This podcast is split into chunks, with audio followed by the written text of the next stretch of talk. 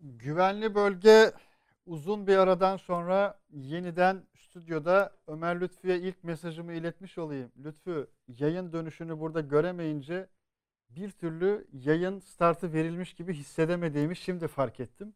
Bu hissimi de tüm arkadaşların huzurunda seninle paylaştım. İlk mesajımı da böylelikle uzun bir aradan sonra garip oluyormuş Mete Erer ya. Hep Gerçekten. evden yapıyorduk. Evet. Hatta Evde kal, evden bile- güvenli bölgede kal demiştik. Yani- Uzun bir aradan sonra hakikaten ne kadar oldu hatırlamıyorum şu anda.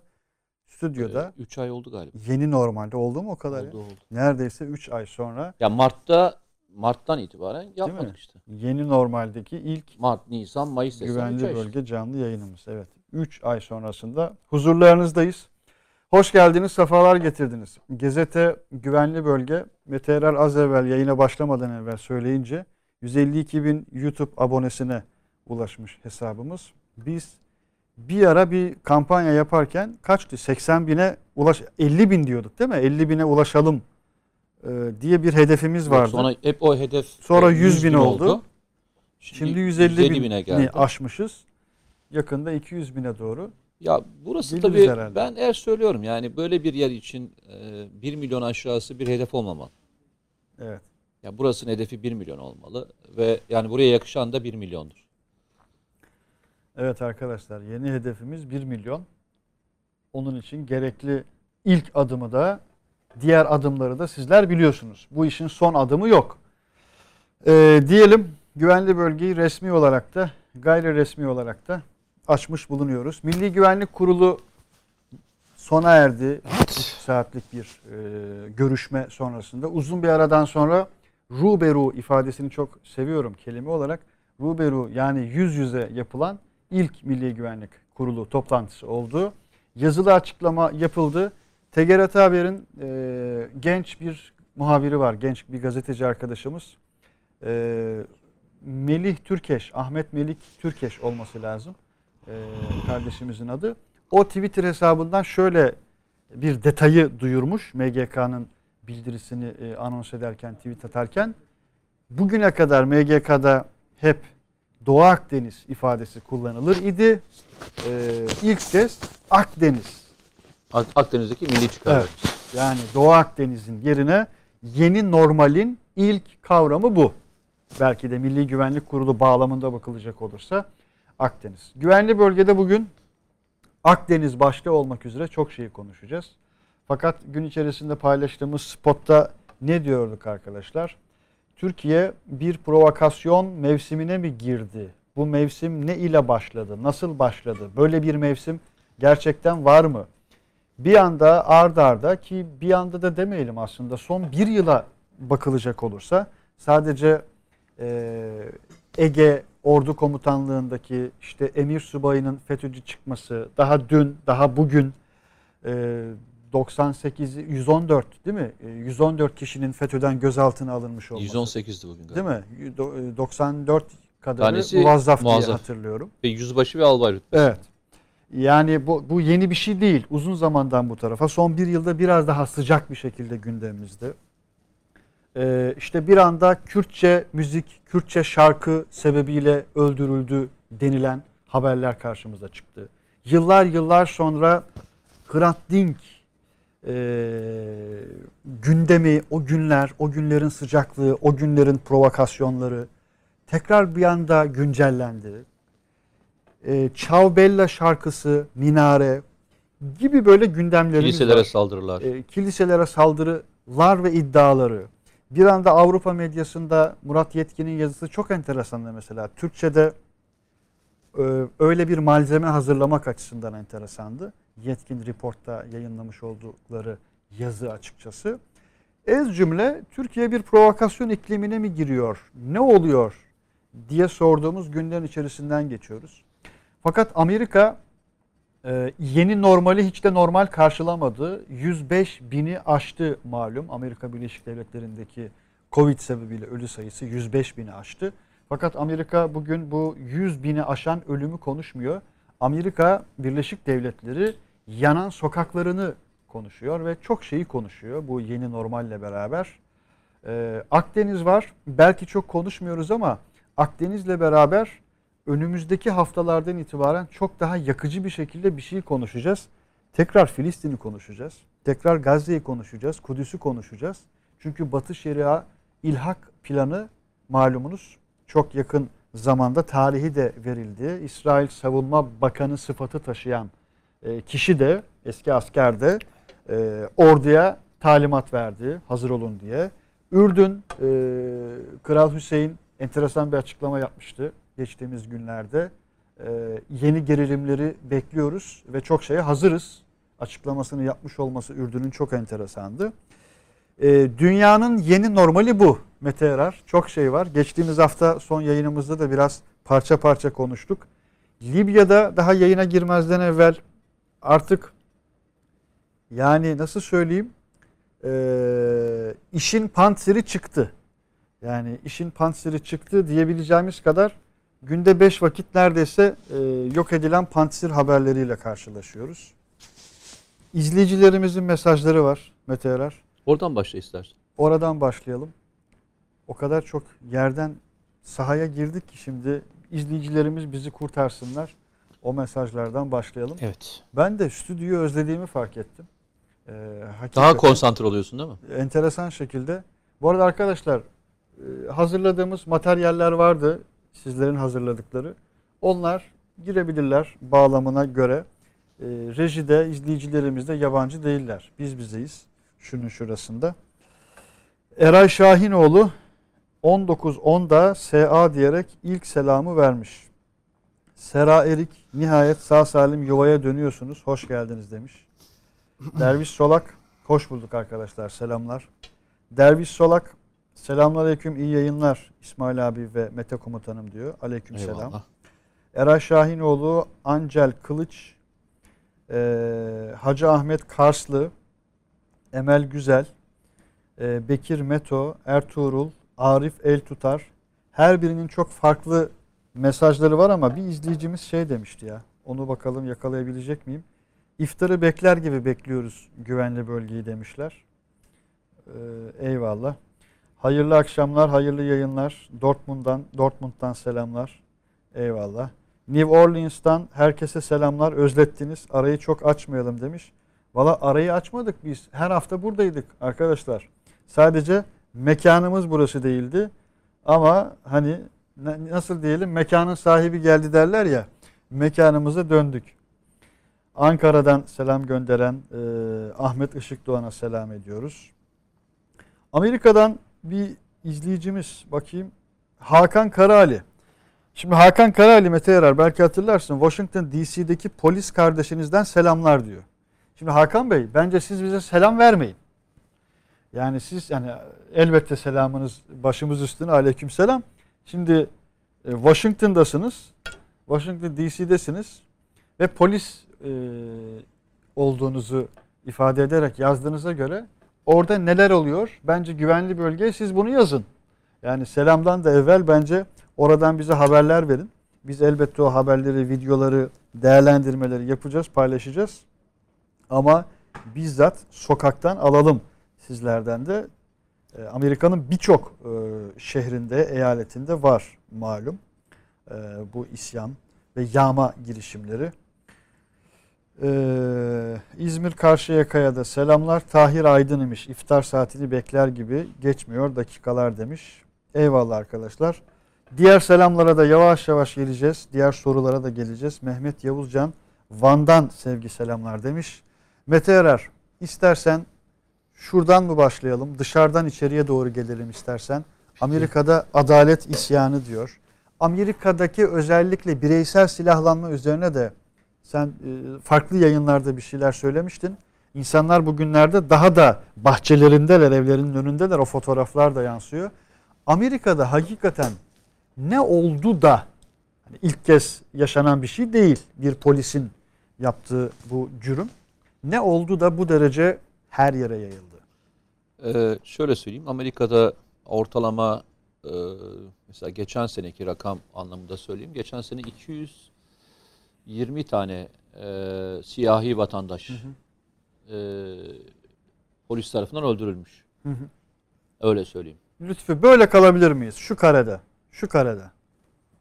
220. Evet. Ee, işte öyle ayırmışlar. Hispanik şu kadar kökenli, Hı hı hı. İspanyol kökenli, beyaz şu kadar diye. E, oransal anlamda baktığında, nüfusa göre oransal anlamda baktığında en fazla öldürülen siyahi vatandaşlar. Yani e, ortalama yüzde 12 veya 13 diyorlar e, Amerika'daki siyahi vatandaşların oranını. Ona göre baktığınızda çok yüksek bir rakamla öldürülüyor. Ama hatırlarsan yine e, yıllar önce ben bir İran karşılaştırma yaparak bir Amerikan rakamlarını açıklamıştım hatırlarsan. Yani günde kaç kişiye tecavüz ediliyor, bunun kaçı çocuk, kaç tane e, ateşli silahtan ölüyor, kaç kişi uyuşturucu kullandığı için söylüyor, ölüyor. İşte sağlık hizmetlerine yararlanmak için ne kadarlık bir para ayrılması gerekiyor. İnsanlar ne kadar e, ayda e, kaç iş yapmaları lazım ki hayatta kalabilsinler diye birçok rakam açıklamıştım. Ve o zaman şunu söylemiştim. E, sistem bir şekilde insanları o kadar yoğun çalıştırıyor ki bu yoğun çalışma içerisinde yaşadıklarını anlamayabilirler. Anlamaya olabilirler. Ama sistem durduğunda hiç kimsenin e, hayatta kalabilme şansı yok. Geçen gün Kerem Alkin e, bununla ilgili bir rakam paylaştı. Çok ilginçtir. Amerika'da e, vatandaşların yüzde otuzu 30'un üzerindeki bir rakam sıfır lirası var bankada. Sıfır lira. Çok ciddi bir rakam. Yani çok Amerika'da rakam. yani şöyle söyleyeyim demek ki 350 milyon desen 110 milyon falan civarında sıfır bankada parası var. %60'ının da 1000 doların altında. Yani 1000 doların altında parası var. Büyük bir para şeyde. Yine o hani konuştuğumuz o e, Amerika'yı yönettiğini iddia eden gruplarda. Hani kimin cumhurbaşkanı olacağını, kimin senatör olacağını, kimin seçim kazanacağını söyleyen bir grupta. Trump'ın seçim kazanmasındaki en önemli faktör de zaten buydu. Yani e, o düzene bir savaş açıp e, seçimi kazanmıştı. Yani oradaki herkesten almıştı o. Ve o mücadele bir şekilde devam etti. Ve en son rakamlar e, Amerika'da işsizlik oranı e, 2008'den beri en düşük düş- düzeye gelmişti. Korona öncesinden. Korona öncesinden bahsediyorum. Ee, sistem bir şekilde ilerliyordu. Ama sistem bir anda durduğunda e, bu insanlar evde e, oldular, işlerinden oldular ve bir anda o koşturmanın içinden çıkıp çevreye bakmaya başladılar. Yani çevrelerine bakmaya başladılar. Fotoğrafı biraz daha net Biraz daha başladık. öyledir ama hayat hep öyledir. Hepimiz hayatı sorguladığımız gibi o mücadele içinde. Çünkü şunu gördüler. Şimdi şeyi konuşuyoruz. Bir kişinin ölümünü konuşuyoruz değil mi? Kimle ilgili ko- konuşuyoruz? İşte koronadan şey düzeltiyorum. e, öldürülen Polis o, şiddetinden e, George, şiddetinden öldürülen George Floyd. e, kişiyi konuşuyoruz. Peki Amerika Birleşik Devletleri'nde ölüm oranlarına baktığında koronadan ölenlerdeki en yüksek oran ne? Kim, kimlerde? yine siyahi. Yine siyahiler. Yine siyahilerde. E, yine hizmetten alamayan insanlar. Aynı zamanda korona zamanındaki muameleyi de gördüler. Korona zamandaki muameleyi de gördüler. İnsanlar öfkeliydi. Yani e, sağlık hizmetinden yararlanamadılar. Üstüne üstlük e, bir de neyi yaşadılar? E, işsizliği yaşadılar. Yani hani herkes şunu konuşuyor. Bin dolar işte maaş şeyine hesaplarına para yatırıldı diye konuşuldu değil mi? Bin dolar. Amerika Birleşik Devletleri'ne bin dolarla herhalde e, 10 gün falan yaşarsınız. Daha fazla yaşama şansınız yok. Yani e, kira vereceksiniz. Diğerlerini harcayacaksınız. Sağlığa para ayıracaksınız. Normal diğerlerini harcayacaksınız. 1000 dolarla yaşayabileceğinizi düşünün. Demin rakamlar da söyledim. Yani %60'ının e, bankada 1000 doların altında parası olduğunu düşündüğünde e, insanların öfkesi bir anda böyle tık tık tık tık tık gitti. Bir de kültürlerin içinde var. Yani sokakta e, yağmalama yapmak, bu tür olaylar geçmiş bütün Amerikan tarihinde onlarca defa var. Kurulduğu günden bu tarafa. Böyle gidiyor. Bunu en güzel anlatan bir tanesi bilmiyorum aldım mı ama e, bir aktivist e, siyahi bir genç kızın e, konuşmasıydı. Evet, Muhtemelen e, Var, sende var arkadaşlar. bizde var mı? İstersen tam onu bir dinleyelim. Yok şu an hazır mı bilmiyorum da e, paylaştık midir? tüm sosyal medya hesaplarımızda. Yani Evet evet. Şunu bir, Onu- bir hep beraber dinleyelim üstüne konuşacağım. Bu Almış yani her fark bizden daha iyi konuşması gereken kişi bence o kadar güzel özetlemiş Evet. ki. Wa- Washington'dan o yazan e, polis dostumuza e, bir kere daha hatırlatayım. Yani bizzat sokağın içinden bir sesti. Diğer ses diğer mesaj da sizden bekliyoruz. Başka arkadaşlar da var oradan. Bir izleyelim gidelim bakalım. Sokağın sesine gidelim. Bundan daha güzel herhalde. Üstüne konuşacak bir şey yok yani. İşte e, bütün, hani bütün insanların süreci, çıldırmasının bütün süreci özetledim. insanların çıldırmasının ana nedenlerinden bir tanesi e, yani ben çok hani böyle Amerika'yı bilen bir adam değilim. Öyle ukalalık da yapmayacağım. İşte en son e, gitmek için çok çaba sarf ettiğim bir yerde değil. Hı hı. E, 2000 16'da e, Aralık ayında e, Büyükelçiliğin ve diğer oradaki e, Türk derneklerinin 15 Temmuz'la ilgili konuşma yapmam için çağırdığında bir gittim. Hı. İlk defa da o zaman vize başvurusu yaptım. Onun dışında da hiçbir zaman da bir şey yapmadım yani başvurum olmadı. Gittiğimde gördüğüm manzaraları zaman zaman özetledim. Çok şey biliyor iddiasına değilim ama böyle çok yaşlı insanların e, şeyini gördüm. Yani çalışmak zorunda kaldıklarını gördüm. İki işte çalışıyorlar. E, yani bizde evinde otursun diyemiz insanlar ayakta kalabilmek için onu yapıyorlar. E, sağlık sistemiyle ilgili çok orada insanlardan bilgi almaya çalıştım. Sokakların halini görmeye çalıştım. Hani şimdi New York'u New York'u hatırlarsan dö- döndüğümde sana anlattım. Hı hı hı. Dedim hayatımda bu kadar pis kokan bir şehir görmedim dedim hatırlarsan. Hani e, yani bizim İstanbul'da bir öyle bir yer olsa kıyamet kopar yani insanlar o kokuya alışmış. Yani o koku e, normalleşmiş. Bir yerden bir yere gidiyorsun her taraf çukur dedim hatırlarsan yani. O yol araları falan çukur bildiğin çukur. İzmir, İzmir gibi yani. İzmir'in bir kısmı gibi. Çok da Yok yani. Çok iyi. Ya yol araları inanılmaz çukur. Yani çukura düşe kaka gidiyorsun. Bir yere gittik. e, New York'un dışında bir yere gittik. İzmirliler alınmasın. Ne olur devam et ama yanıl, yanılıyor muyum? Bir şey ima ederek söylemedim arkadaşlar. Yani İzmir'e ne zaman yolum düşse e, hakikaten. Ama normali olmuş. Pardon. New York dediniz Mete Bey. Artı hani şimdi bugün e, Didem'in programındaydım şeyde Habertürk'te. Hı hı. E, orada Ali Çınar e, Sao denen bir yer var bir bölge var. Daha çok eğlence mekanlarının böyle son dönemde eskiden girilmeyen bir yerken şimdi e, şey yapılmış. Yeniden e, revize edilmiş ama bir bölümü öyle bir bölümü tam tersine yine e, fakirliğin çok yaşandığı e, bölgelerden bir tanesi. Mesela orada gezerken insanlar bize şunu söylemişler. Demişlerdi ki yani ki yanımızda e, hani bir grupla beraber git- git- gitmiştik. Hani gezmeye kalkarsanız şu caddenin öbür tarafına geçmeyin dediler. Yani bu söylediğim e, New York'tan bahsediyorum. New York'un içinden bahsediyorum. En fazla güvenli olması gereken mega şehirlerinden bahsediyorum. Yani finans merkezi, turizmin en çok e, olduğu yerlerden bir tanesi. E, adam şuradan şuraya geçmeyin dedi yani bize. Şuradan şu tarafa geçmeyin. Kalacaksanız bu tarafta kalın. O kadar yani. E, O kadarını söylüyorum. Yani bu söylediğim yerde bu tarafı korkunç iyi bir cadde. Caddenin bu tarafına geçmeyin dediler yani. Öbür tarafa gitmeyin. Bunun arka tarafına, ara sokaklara falan girmeye çalış. Hani Hindistan'da çok var böyle bölgeler. Yani. Brezilya'da çoktur o.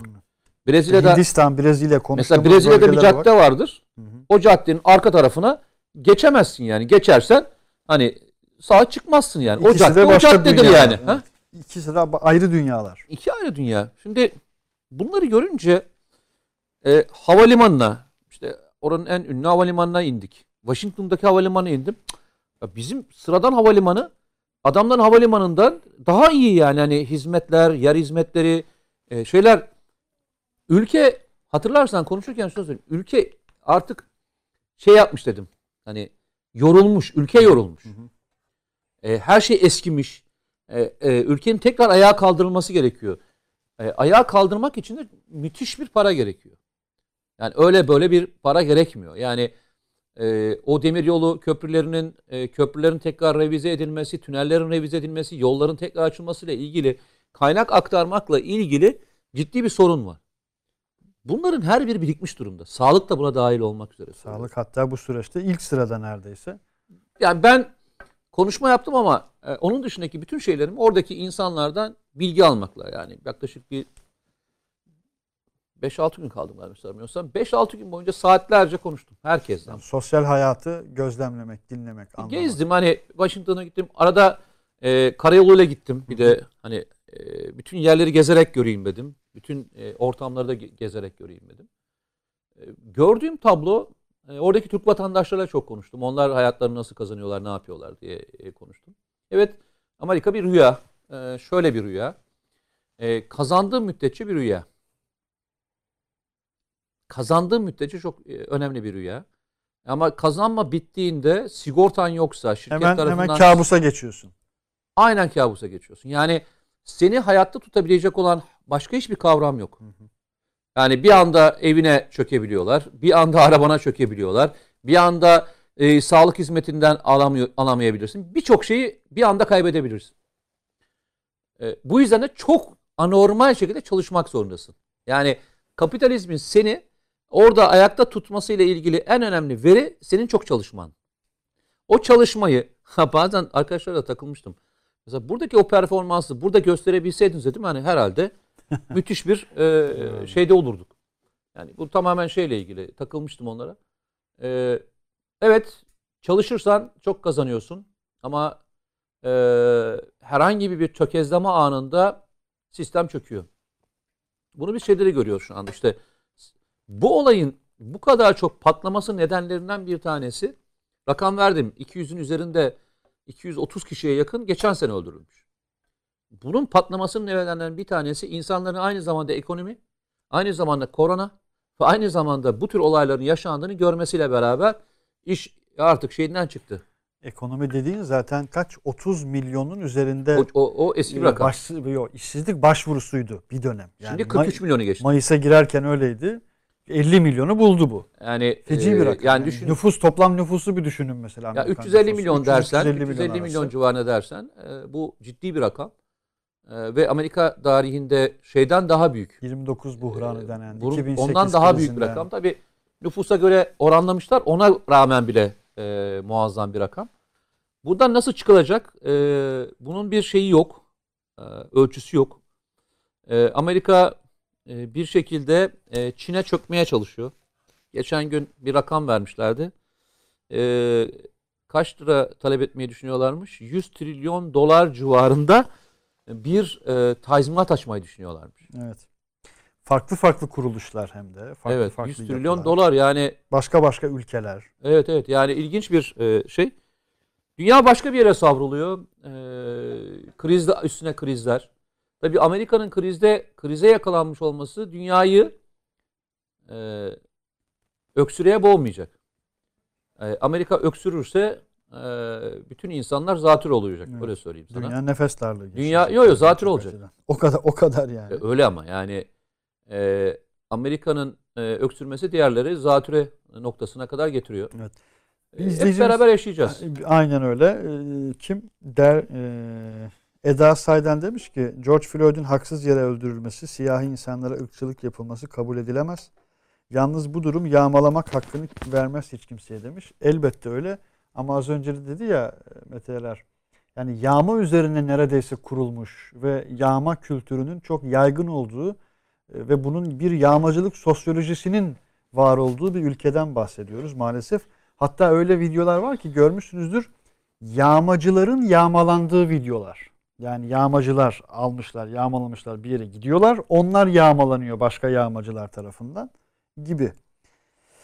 Ee, Libya ile ilgili farklı farklı arkadaşların yönlendirdiği sorular var. Oraya birazdan geleceğiz ki girişteki Akdeniz, Doğu Akdeniz'den Akdeniz'e geçiş. Yani eski normalde Doğu Akdeniz, yeni normalde artık Akdeniz.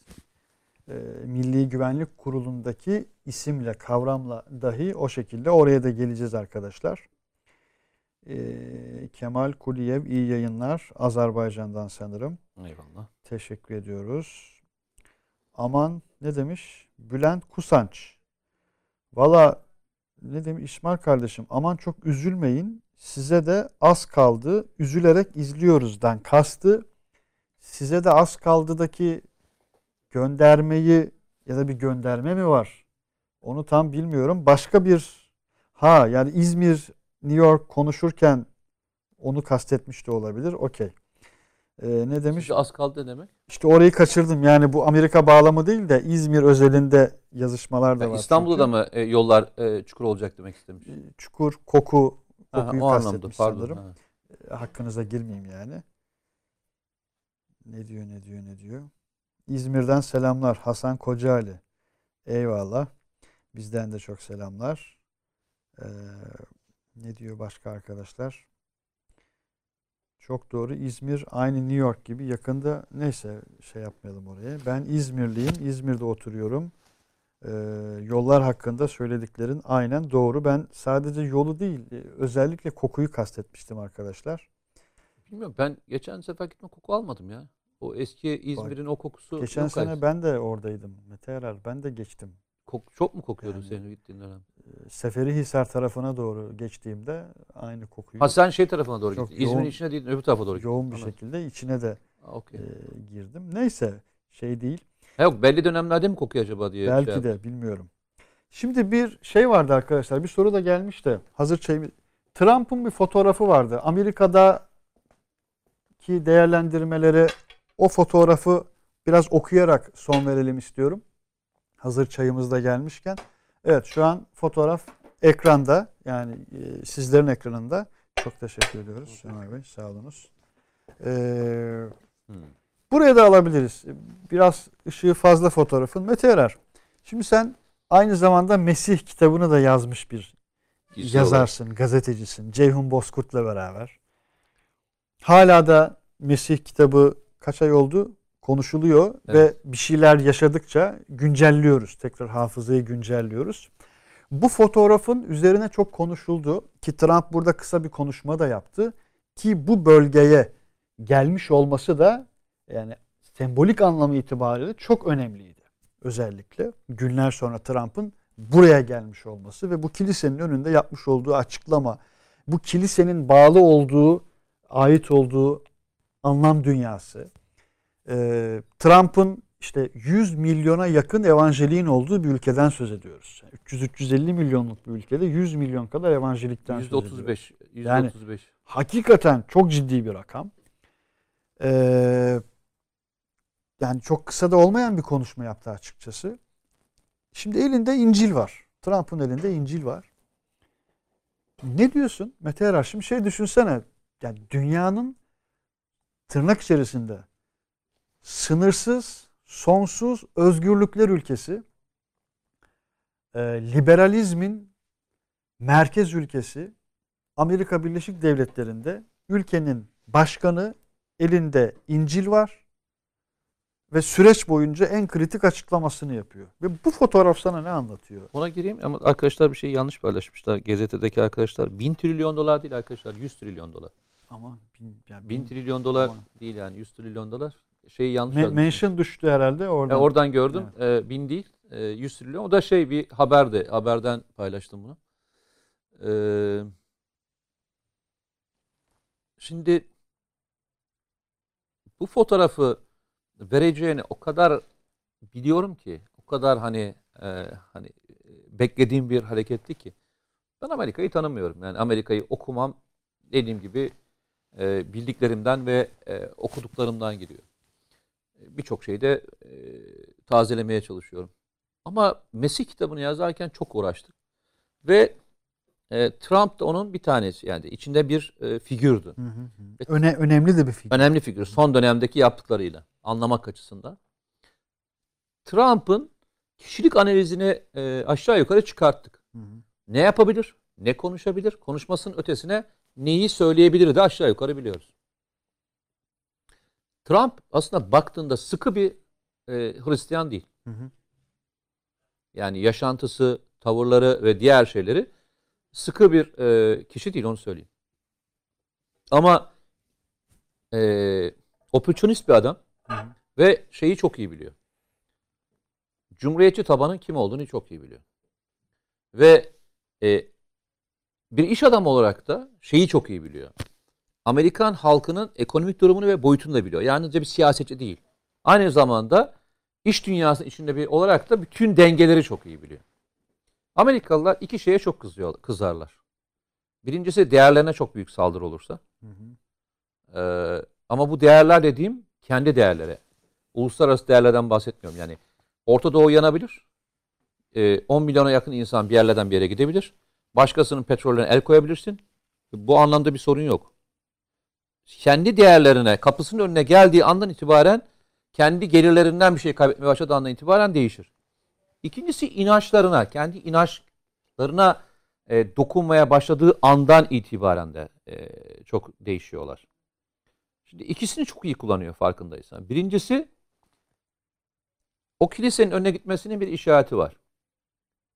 Kime sesleniyor aslında? O Amerika'daki kendisini beyaz, protestan e, gören e, gruba e, sesleniyor. Anglo-Sakson gruba sesleniyor. Başka ne yapıyor? E, İncil'le de e, aynı zamanda evangelistlere de bir mesaj veriyor. Ben e, sizin değerlerinizi koruyacağım mesajını veriyor. Sence bunu aldılar mı? O kadar hemen şak diye aldılar ki içlerine. Çünkü aldılar ve e, Amerika'da sokağa çıkan gruplar olmaya başladı. Hı hı. Şeycilere, protestoculara karşı. Karşı çıkan grubu karşı. Onlarla fiilen savaşa giren neredeyse yani. Aynen öyle. Ee, buradaki mesaj tamamen şey e, kendi toplumuna yani kendi oy potansiyeli olan gruba verilmiş bir mesaj ve o grupta belirleyici bir grup. Hangi anlamda belirleyici grup? Cumhuriyetçiler anlamında grup. Ama başka bir şey daha var. Evangelistlerin yüzde, yüzde yüzü şey değil ki. Yani tamamı Cumhuriyetçilere oy vermiyor. Demokratlara veren de oy verenler de var. Aynı zamanda onlara da oynuyor. Yani seçimde bakın e, bu asayiş sağlanamazsa, bunlar sağlanamazsa demokratlar e, sistemi bozmaya çalışıyorlar. İşte anarşistlerin yanında mesajını bir taraftan da onlara veriyorlar. Onların içinde de muhafazakar Hı hı diyebileceğimiz bir kesim var. E, o, o kesime oynuyor ve tamamen seçime oynuyor. Öyle söyleyeyim. Bildiğimiz Trump. Bu görüntünün onlarca katını farklı farklı yerlerde verdi. Suriye Savaşı'nda verdi. Rahip Branson'da verdi. Afganistan konusunda verdi. Kudüs. E, göçmenler konusundaki sert söylemlerinde verdi. Verdi de verdi. Şeyi çok iyi tanıyor. Toplumu çok iyi biliyor. Şimdi bizim buradan kendi değerlerimizle bir toplumu okuma yapmakla o toplumun içindekilerin okuma yapması çok farklı. İşte yine konuştuk ya bir ülkenin Dışişleri Bakanı başkanı için dedi ki Tanrı tarafından seçilmiş dedi yahu. Evet.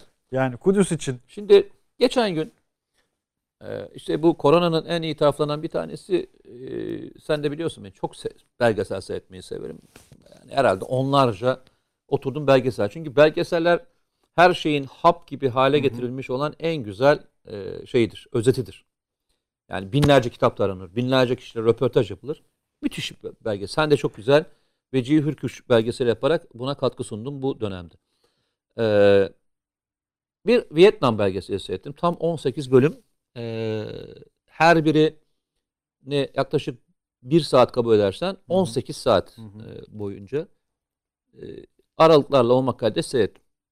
Bir olayı e, çok ilgimi çekti. Vietnam'da 1900'lü 70'li yıllarda Nixon dönemi Hı hı. Nixon dönemi yanlış hatırlamıyorum. Evet Nix- Nixon dönemi. Ee, Amerikalılar bir köye gidiyorlar ve köyü e, komple öldürüyorlar. Öyle bombayla falan değil. Dünyanın birçok yerinde yaptıkları gibi. Ama şimdi diğerlerinde bomba yanlış düştü. Oraya atmak istemiyordum da orada başkası vardı falan değil. Çıkartıyorlar çoluk çocuk demeden Hı hı. e, hepsini öldürüyorlar. Nixon 253 kişi. Hı hı. Bir tane helikopter pilotu e, helikopterden aşağı doğru iniyor. Helikopterden atlıyor durdurmaya çalışıyor. Yani işte başında bir tane general var, albaylar var, tabur komutanları falan var. Bir sürü rütbeli personel var. Hı hı. Ve durduramıyor ve öldürüyorlar. Dönüyor ve şikayette bulunuyor. Yani resmi olarak şikayette bulunuyor. Bölgeye bir ekip gönderiliyor. İsimler var. Sıralı olarak. 17 e, rütbeli personel. General dahil olmak üzere. E, suçlu bulunan bir kişi bulunuyor. O da bir e, ne diyeyim sana üsteğmen rütbesinde birisi. 253 kişinin öldürülmesinden yargılanıyor. şahıs 11 yıl ceza veriyorlar kendisine. 11 yıl. 11 yılı 4 yıl ev hapsine çeviriyorlar.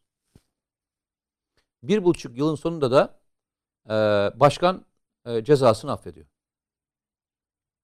253 kişinin ölümünden e, sorumlu olan kişinin e, evde oturarak geçirdiği yıl bir buçuk yıl. Yani adam başı e, ölümün bedeli herhalde ne oluyor? Dört gün falan mı oluyor? Dört gün desek o kadar yani. Dört gün bile olmuyor yani. Bir buçuk günde falan bir e, adam değeri oluyor. Ve kimse buna itiraz etmiyor. Vietnam'da e, milyonlarca insan öldü. Afganistan'da aynı şekilde. Binlerce. Diğerlerinde aynı şekilde. Sen hiç kimsenin e, yani bu sistemi değiştirmek için özel bir e, gayret sarf ettiğini gördün mü? Bugüne kadar Demokrasiden kayıt- bahsediyoruz. yok. Büyük e, büyük büyük laflardan bahsediyoruz. Çıkıp hani ya kardeşim biz niye insanları öldürüyoruz diyenini gördün mü? Görmedim. Niye? Çünkü kaynak geliyor. O kaynağın kullanılmağında herkes refahını arttırıyor. Trump bunu çok iyi biliyor.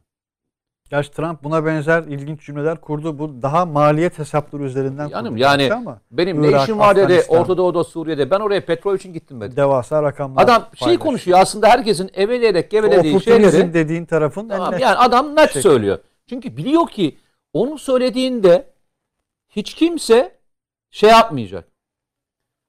Kim anlattı ya? Deniz Zeyrek anlattı geçen gün. E, Amerika'da dedi kurs için gittiğimde e, bu Trump'ın seçimi sırasında bindiğim dedi e, taksi şoförü bir siyahi vatandaştı. Hı hı. İşte konuşuluyor konuşuluyordu. Aralarında konuşuyordu öbür arkadaşlarla falan. Sonra döndüm dedik e, şeye taksi şoförüne. Sen kime oy verdin dedim dedi. Trump'a demiş. Nasıl yani? Yani Trump sizin için bu kadar şey saçma sapan laflar veriyor. Nasıl Trump'a oy ver- ver- veriyorsun diye sorduğunda şey ilginç bir cevap veriyor e, siyahi şoför. İlk defa onun döneminde mortgage yani bu e, ev hı. ödeyebiliyorum demiş adam. Yani adamın onunla ilgili söylediği söz e, çok umurunda değil yani. Geçen gün ben de örneğini verdim. Yani Meksikalılarla ilgili anormal sözler söyledi biliyorsun. Hı hı hı hı. E, Göçmenlerle ilgili. göçmenlerle ilgili. Göçmenlerin en çok olduğu Meksikalı göçmenlerin daha doğrusu Spanish diyorlar. E, İspanyol kökenlerin olduğu bölümlerden e, arkadaş e, birinci parti çıktı. Cumhuriyetçiler. Herkes şok geçirdi. Evet. Yani şeyi çok iyi biliyor. Kime ne mesaj vereceğini çok iyi biliyor. Ve bu mesajın gideceği yerin görüntüsü bu. Evet. Yalnızca şeye vermedi. Evangelistlere e, mesajını vermiyor. Amerika'daki o büyük e, gruba yönelik mesajları var. Birkaç anlamı olan ge- geniş geniş hakikaten katman katman anlamı olan bir fotoğraftı. Ben bunun gibi sana Evet. e, birçok bizim birçok kitapta da var, Mesih kitabında da var. Birlikte Onlarca onlarca böyle Bu e, en- fotoğrafını en- en- bu sıcak olanıydı bugünlerde. Evet tabii. Hay hay diyelim. Devam edelim arkadaşlar. Mesajlarınız düşüyor. Ee, Amerika'yı bitip kendi ülkemize mi dönsek? Ne dönelim yapalım? hızlı Libya'ya bir mı dönsek? şekilde. Yoğun bir mesaj trafiği de olduğu için dondu bir an açıkçası mesajlar. Geriye E, doğru benim, benimkiler gitti. bakayım. İşte o donma muhtemelen biraz o trafik sebebiyle. Öyle mi? Münih'ten selam gönderen arkadaşımızın selamına teşekkür ediyoruz ve aleyküm selam diyoruz. Orhan K. Ertuğrul demiş ki 3 haftadır soruyorum. Rusya'nın Libya'da İsrail, Yunanistan ve e, politikalarına yakın bir davranışta bulunması kendi aleyhine değil mi acaba? Demiş Rusya'nın. Ee, şöyle söyleyeyim. Ee, kendi aleyhine dediği niye aleyhine olsun? Bizimle ortak hareket etmeyip şeyle hareket etmesi mi? Sanırım onu kastediyor Ben herhalde. o zaman e, bir analiz yapayım. Eğer arkadaşım e, dinlerse cevabını vermiş olayım. Şimdi Rusya e, Akdeniz'de geçmişte Hı hı. iki ülkeden e, üst talebinde bulunmuştu. Bunlardan bir tanesi Suriye'di, bir tanesi Kaddafi'ydi. Hı hı. Hatta Kaddafi e, yıkılmadan önce bir üst konusunu konuşuyorlardı şeyle. E, Rusya ile konuşuyorlardı. Bir deniz üssünün verilmesi konusunda istişareleri vardı. Rusya'nın bölgede petrolle ilgili çok da büyük bir şey isteği talebi yok. Yani şu anda elindeki petrolü satamıyor. Ee, doğalgaz konusunda e, muazzam doğalgaz rezervlerine sahip. Yani ekstra bir e, enerji koşuşturması içerisine değil. Onun için kendisine ait olan e, bir grubun bir bölgeyi eline tutması önemli. Aynı Suriye'deki gibi düşün. Yani e, Rusya Amerika'nın bölgede bulunmasına itiraz ediyor mu? Hı? Etmiyor. Yani yani Suriye'nin bir bütünlük bütünlüğü onun için çok önemli değil. E, işte bizim e, PKK terör örgütünü bölgeden çıkartarak bulunduğumuz bölgelerle ilgili bir itirazı var mı? Yok. Onun derdi kendi kazanımlarının e, olacağı ve ona o kazanımları verecek olan bir grubun iktidarı önemli. Suriye'nin tamamı hiç önemli değil. Petrol onun için çok fazlası önemli değil.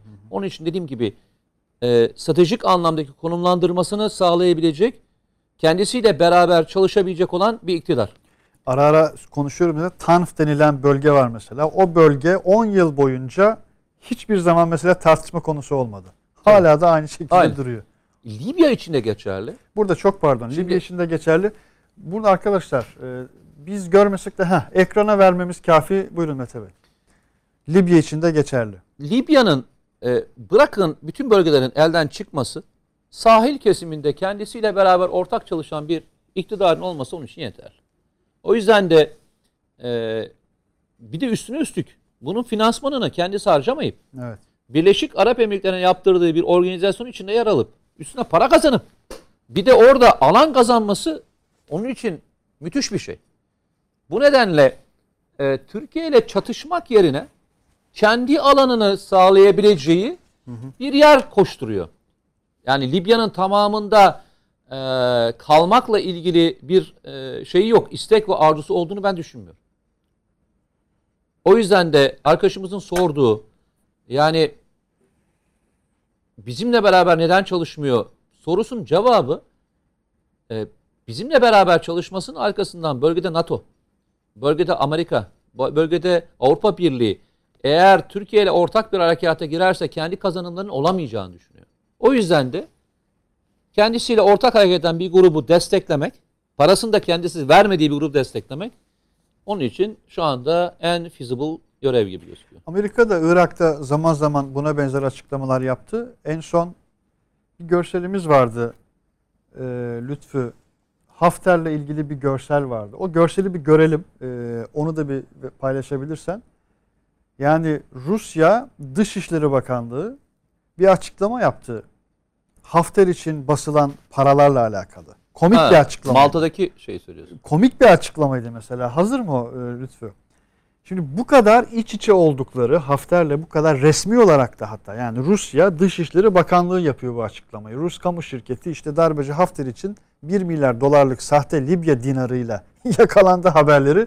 Başta Reuters olmak üzere herkes tarafından geçiliyor. Ve bakanlık açıklama olarak diyor ki Libya'nın diyor kalkınması için, gelişmesi için diyor bu bir katkıydı diyor. Resmi açıklamadan söz ediyoruz. Bu E, kadar. Ona parayı da geri istedi biliyorsun. Bastığı parayı Yani- geri istedi. Evet. Bu kadar net bir açıklama. Ya diyorum ya e, öyle bir dönem yaşıyoruz ki ben hani e, bakıyorum işte Trump diyor ki ya kardeşim bana ne siz ölün e, ben petrol için geldim diyor. Rahat rahat bir şekilde. Öbürü diyor ki ben e, 1 milyar dolarlık sahte Libya dinarı basarım. Piyasada sünerim, sü- sürerim diyebiliyor. Yani böyle bir e, sistemin içerisinde uluslararası hukuk, uluslararası Birleşmiş Milletler, Avrupa Birliği falan böyle bunlar abi diyor ya geçin. Mevzu sahada ne kadar güçlüsün, sahada ne kadar varsın ve bu işi nasıl e, organize e, edebiliyorsun. E, eğer çok parası olan o kazansaydı Amerika Birleşik Devletleri Vietnam'da kazanırdı. Bir rakam söyleyeyim sana. Bir dakika reklam arası. Haberin sosyal medyası gzt.com sizi çok farklı bir okuyucu deneyimine davet ediyor. Merak ettiğiniz sorular yanıt buluyor, henüz duymadığınız şaşırtıcı konularsa karşınıza geliyor. Yorumlarınıza editörler cevap veriyor, arkadaşlarınızla paylaşmak isteyeceğiniz eğlenceli içerikler hazırlanıyor. Sizler için kamera karşısına geçiliyor ve olaylar sıkmadan ve anlaşılır şekilde anlatılıyor. Özel infografikler, videoların yanı sıra burada sayamayacağımız sayıda farklı dergiler. Şimdi telefon ekranınızı daha da anlamlandırmak için sizi davet ediyoruz. GZT uygulamasına iOS ve Android marketlerden kolaylıkla erişebilir, pişman olmazsınız. Mutlaka indirin. Reklam arası sona erdi. Amerikalıların e, Vietnam'da e, ki attıkları e, bir bölgeye yalnızca bir bölgeye attıkları Kamboçya sınırındaki bir geçiş bölgesine attıkları bombanın miktarı 3 milyon ton. Ama e, Amerikalılar e, İkinci Dünya Savaşı'nda Almanya'ya ve Japonya attıkları bombanın toplam miktarı 2 milyon ton. Yalnızca bir geçiş yoluna attıkları bombanın miktarı 3 milyon ton. Ürkütücü bir rakam. 3 milyon ton. Şimdi bana söylesene. E, rakamı, rakamı arkadaşlar hani ne demek 3 milyon ton falan diyebilirler. Hani 3 milyon ton acayip bir e, rakam. 3 milyon ton acayip bir rakam. Yani şöyle düşünün. E, bizim şimdi e, TİHA yapılacak yapılıyor ya. Hı hı hı. Taarruzu insan aracı Akıncı. Akıncı'nın kaldırabileceği maksimum yük 1 ton. Yani 3 milyon SİHA'nın kalktığını düşünün. 3 milyon SİHA kalkacak. 3 milyon. 3 milyon SİHA kalkacak Filmlerde bile olası değil yani. ve atacak. 3 milyon ton, 3 milyon e, SİHA kaldıracak. Bu kadar acayip rakamlardan bahsediyoruz. İşte bugün geldiğimiz e, şeyin e, göstergeleri de hep buradan gidiyor. Hep geçmiş örnekleri ben arkadaşlara diyorum ya lütfen geçmiş örnekleri e, yaşasınlar. Geçmiş örneklere baksınlar. Oradan alınabilecek o kadar çok ders var ki. Mesela ben bir şey öğrendim geçen gün. Anlattım arkadaşlara bir kez daha tekrar olacaksa olduysa özür diliyorum. Ben Amerikalıların çuval geçirme ve e, su işkencesini 90'lı yıllarda İsraillerden öğrendiklerini düşünüyordum. Öyle olmadığını anladım. Amerikalılar e, şeye girdikleri andan itibaren çuval geçirme hikayesini ve e, o suyla boğma işkencesini e, Vietnamlara yapıyorlar. Yani görüntülerini seyrettiğim için söylüyorum. Yani kullandıkları e, tekniği kullandıkları tarihler 1900'ler 60'ların ortası. Yani bizim öğrendikleri dediğimiz 90'lardan neredeyse 25 yıl önce 25-30 yıl önce. 25 yıl önce e, kullanıyorlar. E, tarih ilginç. Tarihin dersleri ilginç. E, bizim öğreneceğimiz tek şey ne biliyor musun? Belki hepimizin ders çıkartacağı şeylerden bir tanesi. Büyük ülke olmak istiyorsanız muhakkak e, tarih konusunda çok bilinçli olan e, bir ülke olmanız gerekiyor. Çok bilinçli olmanız gereken. E, o bilinç e, sizi e, başkalarının size düşüreceği tuzaklara düşürmeyecek. Vietnam Savaşı'nı özellikle seyretsinler. Rambo filmi seyretmesinler. Yani bir Vietnam belgeseli üzerinden e, Vietnam'da ne olduğunu e, rahatlıkla e, okuyabilirler. Hafıza çok önemli hakikaten.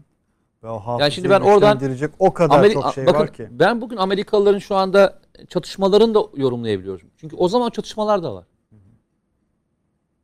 Yani bir dönemi, bir dönemin yani daha doğrusu bir insan topluluğunun ki Amerikalılar 1960'da e, başlıyorlar. İşte nereye kadar, ne kadar zaman gidiyorlar? 73'e kadar e, oradalar. 13 sene. 13 senelik bir bloğu seyrettiğinde, bir bloğu seyrettiğinde şeyi çok net anlıyorsun. O toplumun e, insanlara bakışını, demokrasi, diğer toplumlarla teması, nasıl davrandıkları, insan şekilleri, başkanların tavırları her birini görüyorsun. Söylemleri. Ve oradan bugüne e, alıntılar çıkartabiliyorsun. Mesela orada ben bir bir alıntı daha yapacağım. Fransızları konuşuyoruz değil mi? Fransızların Cezayir'i konuşuyoruz değil mi? ki Vietnam, Cezayir yaptıkları. Vietnam'ın bağımsızlığı zaten Fransa'dan. Fransızlar 1945'te işte savaş bitiyor. Normalde e, bir işgal olmuş değil mi? Ne işgal olmuş? Bildiğin işte e, Almanlar işgal etmişler ve işgalin ne olduğunu falan biliyorlar dersin değil mi? Dersin ki yani e şimdi işgal eden bir ülke başkasını işgal etmez değil mi? Yani normalde mantıken böyle bir şeydir. Adamlar e, Vietnam Vietnamlar bağımsızlık istiyorlar, vermiyorlar ve savaş başlıyor. Aslında Vietnam Savaşı şeyde başlamıyor. Yani bizim bildiğimiz gibi Amerikalarda başlamıyor. Bir de onların Fransız bölümü var. Fransızlar e, Vietnam Amerikalılara devrediyorlar. 1945'ten 60'a kadar e, bu sefer Fransızlar var orada. Ve Vietnamlılar Fransızlara dönüp diyorlar ki ya arkadaşlar diyorlar siz bizimle niye savaşıyorsunuz? Siz bizimle niye biz savaşıyorsunuz? Vietnam'ı hep Amerika üzerinden okuyoruz ama hayır. Orada sömürgeciliğin Portekiz kadar neredeyse öncü ülkesi olan Fransa var orada da yani. Ve yemin ediyorum e, yani mahvediyorlar şeyi, ülkeyi mahvediyorlar. Yani Amerikalıların Vietnam'ından önce e, yaklaşık 25 sene bir şey dönemi var. Fransızlarla çatıştıkları bir dönem var. Evet. Ve o dönemin içerisinde yaşananlara bakıyorsun.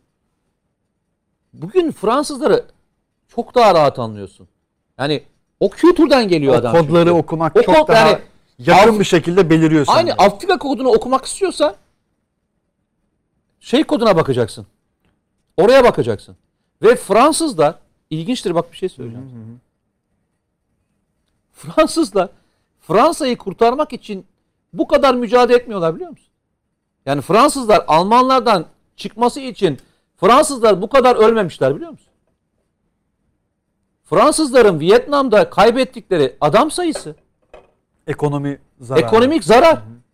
Fransa'dan Fransa'daki mücadelenin yanında hiç kalır diyorlar. Gerçekten rakamlar öyle.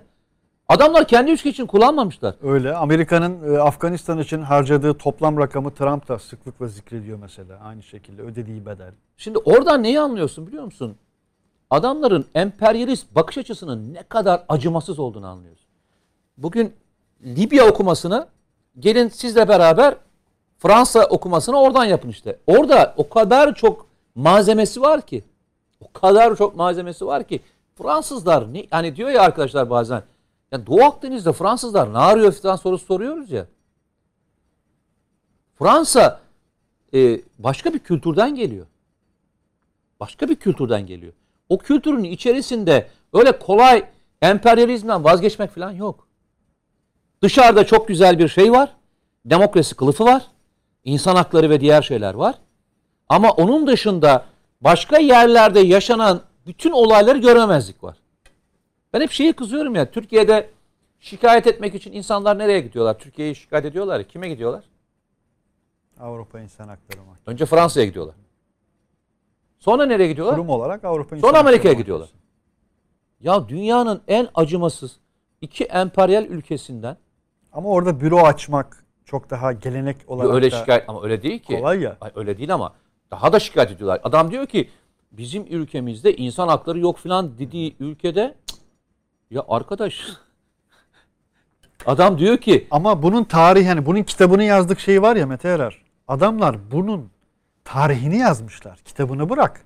hangisini? Ya bu sömürgeciliğin, emperyalizmin, şiddetin daha Ruanda yani yani 90-2000 arasına baktığımız zaman diliminde bile yani daha dün diyebileceğimiz. İşte 2003'e gidiyoruz. 91'e gidiyoruz. İşte Vietnam'a gidiyoruz. Mesela katliam deyip geçiyoruz ya Afganistan, Irak. Hakikaten bazı şeyler böyle kavram olarak 18 bölüm diyorsun ya. 18 bölüm Vietnam sadece. Hani Vietnam kısmı 13 yıldan bahsediyoruz. Ee, yani bazı şeyleri önerdiğim belgesel gerçekten önemli. Mesela Ketebe yayınlarından çıkan arkadaşlar Amerika'nın Karanlık Tarihi isimli bir kitap var. Kronik yayınlarından çıkan Amerika'nın Tarihi isimli iki kitabı bu vesileyle önermiş olayım. Lütfen not alalım ve okuyalım. Hakikaten not alalım. Şimdi 18 bölümlük belgesel dedim. Ben bu ara biraz böyle saplantılı bir şekilde söylüyorum da bunu ekranlarda ara ara Mete Erer. Hürkuş deyip git. Hürkuş mesela bir kafamızda bir hürkuş var değil mi? Hocam bana hürkuşla ilgili iki cümle kur ya. İki cümle kur. Hani herkes Bana mı öyle. soruyorsun? Hayır yahu hepimize mesela Ruanda katliamı sömürgeci Fransa. Şimdi mesela Vietnam Vietnam diyoruz ya. Vietnam'la ilgili mesela bir anda böyle sarsıcı bilgiler verdin değil mi? Fransa dedin 18 bin belge- belgesele dair Amerika'nın Hayır, niye anlattım şeyi- biliyor musun? Şunu diyorum. Bugün lütfen arkadaşlar anla- bu hafızayı biraz böyle bilgiyle katmanlandıralım yani. Hayır, Bugüne şey, dedin. İçin söylüyorum. Mesela arkadaşlar bazen şunu söylüyorlar. Yani Suriye'de nasıl bu kadar acımasız sorusunun cevabı şu. Ne zaman acıdılar ki? Evet. Yani ne zaman acıdılar ki? O yüzden o cevabı vermek adına söylüyorum. Ee, çok ilginç ya- yaşananlar var. Çok ilginç o, e, olaylar var. Ee, şimdi o hani siyahi vatandaşın isyanını gördün ya. Amerikalı bir asker, siyahi bir asker. Ee, zaten diyor ki biz diyor, şimdi Amerika'nın en son savaşa girdiği dönemde 500 bin civarında, 530 bin civarına yükseliyor. Vietnam'daki asker sayısı. En son çekilmeden önceki maksimum miktar 535 bin. Rakama bakar mısın? Vietnam'da 535 bin Amerikan askeri var. Bunun e, cephe hattında olanların toplam miktarı 15 bin civarında. Fiili olarak çatışıyorlar. Gerisi geri hatlarda ve diğer bölgelerde. Biz diyor zaten siyahi vatandaş olarak gittiğimizde diyor, bizim diyor gideceğimiz yer belliydi diyor. Direkt Kamboçya sınırına ve e, Vietnam, e, Güney Vietnam'la Kuzey Vietnam'ın arasındaki tampon bölgeye gidiyorduk. Çatışma bölgesine direkt olarak. Adam gidiyor gerçekten. Ee, ağır yaralanıyor. Yani aylarca çatışmalarda kalıyor. En sonunda bir ağır bir yaralanıyor. Bunu öldü diye atıyorlar. Sonra kurtuluyor. Bu arada da bayağı büyük başarılar gösteriyor. Buna Amerika'nın en büyük madalyasını veriyorlar. Tamam mı? Çok ilginç. Çok güldüm ona ya. Adam dönüyor şeye. e, ben diyor döndüm diyor Amerika'ya diyor. Amerika döndüm de diyor. E, önce diyor e, bana şey dedi ki diyor e, şey şoförü, otobüs şoförü. Sen önde oturamazsın, arkada oturacaksın dediler diyor. Bak. Arkasından diyor üniversiteye gidecektim diyor. Bizim diyor üniversitede okuma hakkımız yok diyor. Şeye, üniversitede biliyorsun o dönem bir dönem üniversite öğrencilerini almıyorlar ya şeyler. E, siyahi vatandaşlar aynı kampüslerde okuyamıyorlar. Ben diyor orada diyor ölümden döndüm 18 ay boyunca Amerika için çatıştım. Döndüğümde hiç kimse bana e, şey orada kimse diyor rengimi görmedi. Ama döndüğümde herkes rengimi hatırlamıştı. Şimdi o tabloyu bu tabloyu tuttuğunda hiç şey ya- yani şey oturmuyor. Hani sıkıntı yok. Bunun aynısını Irak Savaşı sonrası dönen e, siyahi vatandaşlardan da belgesellerde takip ettim. Aynı şeyi aynısını söylüyorlar. Birçok örnek var. Birçok örnek var. İşte Muhammed Ali Clay bunlardan bir Ya, tanesi. hadi onu da geçelim. Denzel Washington bunlar. Denzel Washington'ın canlandırdığı Muhammed Ali. E, şey çok önemli. E, tanesi. şu LeBron James var ya. LeBron James miydi? Öyle mi? Tam öyle mi okunuyor? Çok iyi bir basketbolcu. Biliyorsun en çok sevilen adamlardan bir tanesi. E, Los Angeles'ta Ama şu anda gene- genetik kodlarında var. Yani. Yok hayır. Adam bir de çok kazanıyor. Muazzam bir hayat yaşıyor. Hani villalarda falan yaşanıyor. Başka davalarda da gördük bunu. bir tane şey e, bir maçta e, buna e, ırkçı bir söylemle Evet. saldırıldı biliyorsun. Evet. O da isyan etti. Maçı falan bıraktı gitti. Sonra çıktı bir dedi ki ya dedi ben dedi en sevilen adamım. Üstüne üstlük çok para kazanıyorum. Ama kendimi güvende hissetmiyorum dedi. Eyvallah. Teşekkür ederim abi. Amerika'yı anlamak istiyorsanız e, o genç kızın haykırışı buydu işte. Evet. Sıklıkla hani buradan yolumuzu oraya düşürüyoruz. Bu hafıza, güncelleme. E, buradan ben bir yere gelmek bugünden istiyorum. oraya bakma Buradan üzerinden propagandaya gelmek orayı istiyorum. okumak mümkün. Buradan propaganda. Türkiye'deki, Türkiye'deki propaganda. bu e, propagandaya gelmek istiyorum. Şimdi tam o güne denk gelen Türkiye'de de aynısını yaşatmaya çalışan bir olayla yaşandık. Anlama özürlü diyeceğim. Aa, anlama özürlü değil. E, ama bilinçli ve planlı yapılan bir e, olaydan bahsediyoruz. Türkiye'nin bir şehrinde bir e, Kürt kökenli vatandaşımız hayatını kaybetti. Hemen paylaşım şu şekildeydi. Dediler ki bir e, arkadaş şey Kürt vatandaşımız Kürtçe şarkı dinlediği için üç kişi tarafından katledildi. Doğru mu? paylaşılan Yani, haberi hayır, söylüyorsun. hayır. Doğru mu derken? Hayır yani Evet. böyle paylaşıldı. Evet. Böyle servis edildi. Hatta anında Almanya'dan başlayan bir tak açıldı. Yani bunun üzerine. Daha sonra olay e, vali tarafından açıklandı ama vali hadi e, Türkiye'de bazıları tarafından hani e, anlamla- anlamlandıramayabilirler. Sonra babası çıktı ve olayı şu şekilde anlattı. Dedi ki biz dedi akşam dedi işte arkadaşlara beraber namaz için abdest aldık. Sonra arkadaşıyla beraber otururken tam namaz okunurken Ezan okunurken. birileri ezan, işte ezan okunurken e, birileri çok yüksek sesle e, müzik dinliyorlardı. Onlara ezan bitineye kadar sesini kısın dedi. O grup geldi ve e, oğlum işte bıçaklayarak öldürdüler. Doğru mu? Ailesinin bizzat babasının anlattığı. An- e, babası bunu böyle anlattı. Zaten resmi makamlarda da, adli makamlarda da bunun böyle olduğunu açıkladılar. Olay böyle oldu. Şimdi normalde e, normalde bir siyasi parti bunu bu şekilde eviren bir siyasi partinin ne demesini beklersin? Bu olayı ya biz yanlış anlamışız. Bu kardeşliğe yapılmış bir olay değildir. E, provokasyona gelmeyelim diye e, özür beklersin değil mi? Mümkün mü böyle bir şey? Bugüne kadar nice Ama şeyde gördüğümüz gibi. fiili anlamda devam ettiler. Değil mi? Hiç hiç hala da öyle devam ediyorlar. Çektiler mi geriye? Yok. Başka bir grupta şöyle bir şey söylemeye başladı. Olayı öyle bir evirtmeye başladılar ki yani diyorsun ki hani bir bir fıkra var ya o Hazreti İsa değil Hazreti Musa'ydı. Pardon e, şeydi Hazreti İbrahim'di. O keçi değil koyundu filan hikayesi var ya.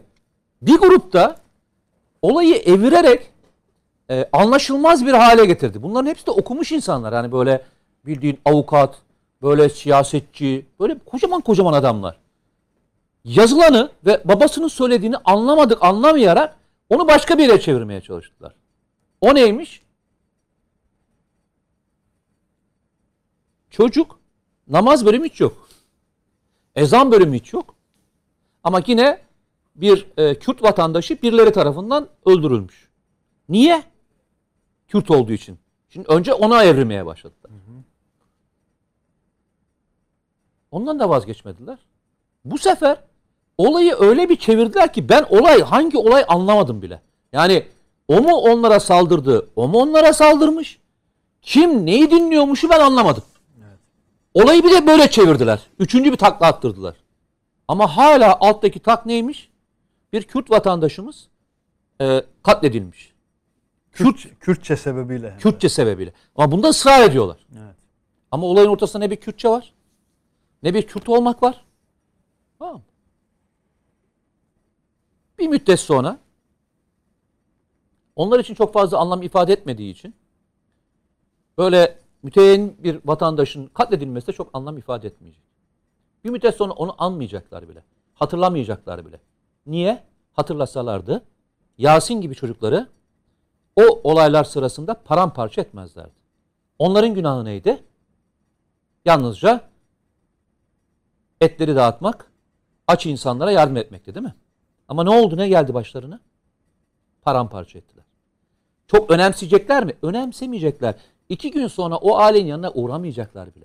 Onunla ilgili en ufak bir konu bile açmayacaklar. Hiçbir konuşmanın içerisine bile geçmeyecek. Ama malzeme ettiler mi kendilerine? Ettiler. Alın size Türkiye'de provokasyon. Niye? Amerika Birleşik Devletleri yaşanan, yaşananla Türkiye'deki yaşananları anında örtüştürebilecekleri bir olayı yakalamak üzerineydi. Gerçek önemli miydi? Hiç önemli değildi. Gerçeğin peşinde koştular mı? Hiç koşmadılar. Okumuş olmak, bilmiş olmak, bir şeyi araştırmakla ilgili önemsi miydi? Hiç önemli değildi. Amaç neydi? Bir Kürt vatandaşının Kürtçe şarkı dinlendiği için öldürüldüğü mesajının bütün dünyaya yayılmasıydı. Uluslararası medyaya Yalan olması önemli Google'a değildi. Böyle öyle bir şey olmaması önemli değildi. entry girmiş olması yeterli. O zaman şu soruyu hep Bunu beraber işte kiliselere saldırılar, tehditler gibi mesajlarla zaten fotoğraf o zaman şu soruyu sormak Kadrajı lazım. oluşturulmuş Bu kadar oluyor. çok Kürtçe Kürt e, vatandaşına o kadar çok seven arkadaşlara söyleyelim o e, arkadaşlara. Yasin bir Kürt değil miydi ya? Yasin'in suçu neydi? Yasin'in suçu neydi?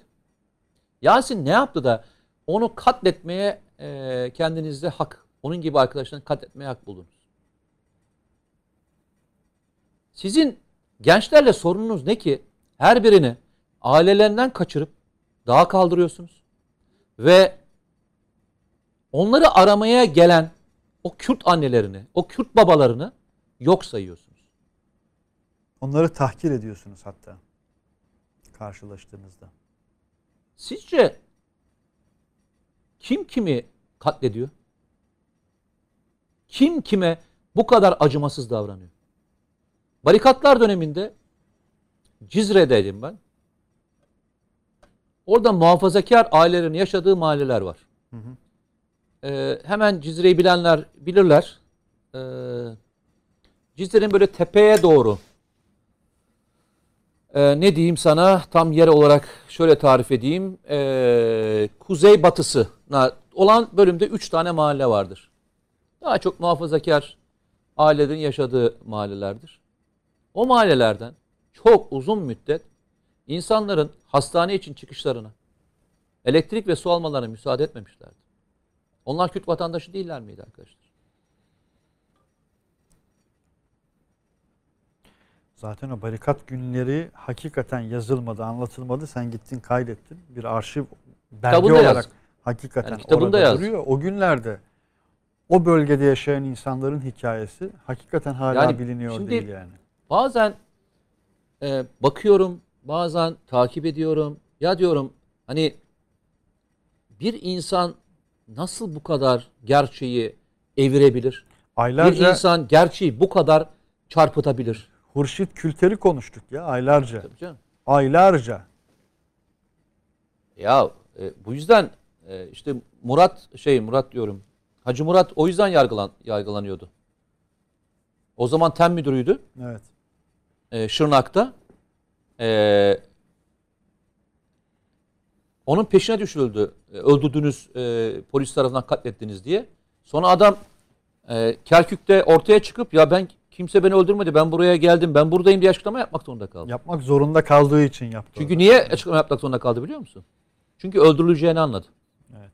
Çünkü e, Öldür- ölüsünün öldürüleceğini derken PKK tarafından. tabii. ha, Yani Çünkü onu e, söyledim de. öldür yani ölüsü daha değerli olduğu fark edilir. Evet. Ortaya çıkarsa, yalan ortaya çıkarsa diye adamın öldürüleceğini ortaya anlayınca adam öldürmemek için ben yaşıyorum dedi yani. Ben yaşıyorum dedi. Kendi örgütüne mesaj verdi. Kendi örgütüne mesaj herkese ben yaşıyorum dedi yani. Evet. Böyle bir yerdeyiz ya.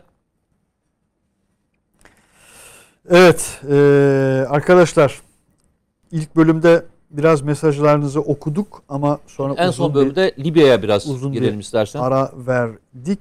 Eee, son dilime doğru da giriyoruz. Yusuf Sefa Aydınalp yaşının ne demiş? Sadece tek suçu Müslüman olmakta demiş. Yasin'in tek suçu.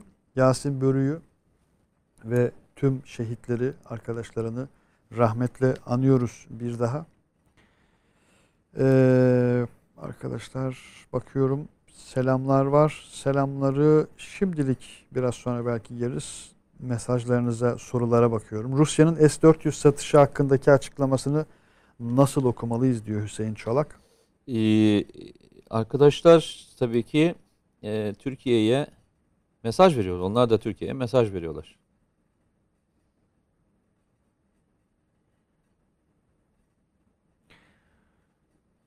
Ketebe tamam. Diğerini tekrar eder misin? Hava Yıldız. Ee, kronik yayınları. Ee, Hava Hanım. Kronik yayınlarından çıkan kitaptır. Bu ülkede yalan haber yapana ceza verilmez ise ülkeyi karıştırırlar demiş. Valla onun sonunu almak maalesef mümkün değil. Sosyal medyada özellikle Sosyal medya olduğu müddetçe engelleyemezsin. şu sıra bugünlerde malumunuz bir sosyal medya gündemi yasa bağlamında e, daha sıcak bir şekilde gündeme geliyor. E, Neler yapılabilir? Aslında e, Konuşmaya bence devam edeceğiz ama Heh, kesin bir çözümü gerçekçi olmak gerekirse kısa vadede biraz zor görünüyor. Bir şey- Çünkü o algıyı öyle sattıktan sonra Mete Erer bir daha geri dönüşü yok. Ya şöyle söyleyeyim. e, hani gerçeği çarpıtanlar yalnızca hayal hesaplar değil ki. Demin söyledim yani bildiğin okumuş Evet. önemli siyasetçiler onlar bunlar paylaşıyorlar. Yani bu ülkenin kanunlara göre kurulmuş siyasi partiler paylaşıyor. Şey değil ki. Hani hayal hesap falan değil yani. Hani neydi Ee, işte önerilerden bir tanesi herkes kimlik numarasıyla sosyal hesap açsın. Bunların hepsinin Tabii e, televizyonlarda konuşan insanlardan söz ediyoruz ben- yani burada. Ekranlarda konuşan yorumculardan söz ediyoruz. yani adam hayali insanlar değil ya gerçek insanlar yani. Evet. Ama vazgeçmiyor adam yani. Rotterdam'dan selamlar. Ee,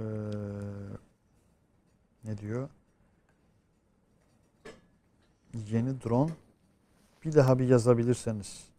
Sefa Kaya.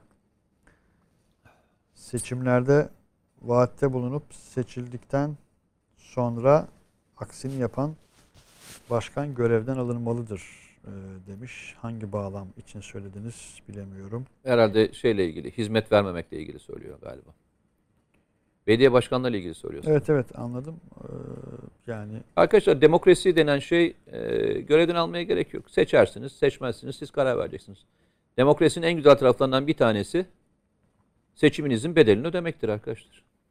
İyi anlamda da kötü anlamda da.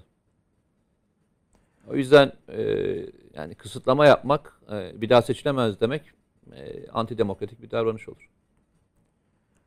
Nejat Hakan Almanya'dan saygı selamlar. Bizden de çok selamlar. Ee, Trump'ın İncil kitabıyla Trump poz veriyor. Kilise önünde İbrahim Demir. Eyvallah. Bakıyorum bakıyorum adamlar sömürünün insanları dejenere etmenin, yok etmenin kitabını yazmışlar. Çok doğru. Heyhat demiş. Kim demiş? Kenan Türker. Eyvallah. Murat Özafşar. Eyvallah. Ee, çay mesajınız için teşekkür ediyorum. İlk defa canlı yayının bildirimi gelmedi demiş. Ee, bilmiyorum gelmedi mi arkadaşlar? Gelmiş olmalı. Bugün hem de stüdyodan yayın yapıyoruz ve bugün yayıncı biz değiliz. Uzun zamandan beri yayıncı bendim. Ee, YouTube hesabımız üzerinden ee, gelmiş olmalı ama ilgili arkadaşlara, editör arkadaşlara da mesajınızı iletmiş olayım bu vesileyle.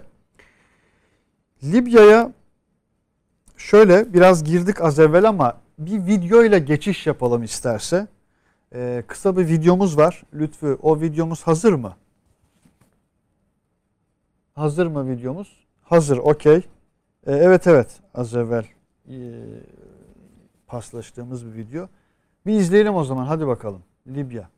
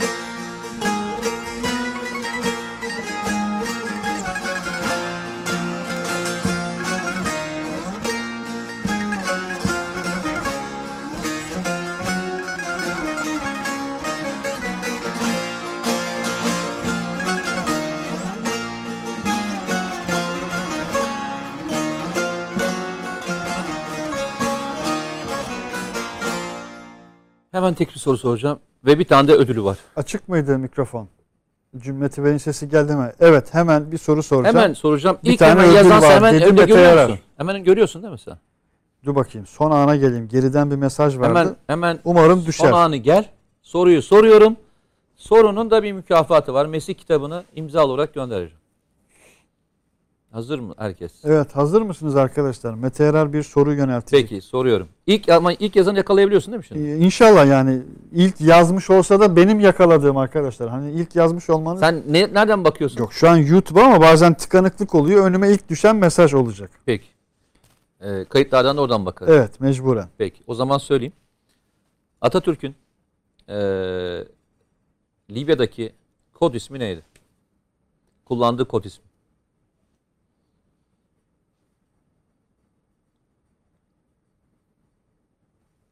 Biliyorsun bölgeye teşkilatı Mahsusa ile beraber gitmişlerdi. Evet bakıyoruz araziye. şu an düşecek mesajlara bakıyoruz. Size yabancı olmayan bir isim aslında.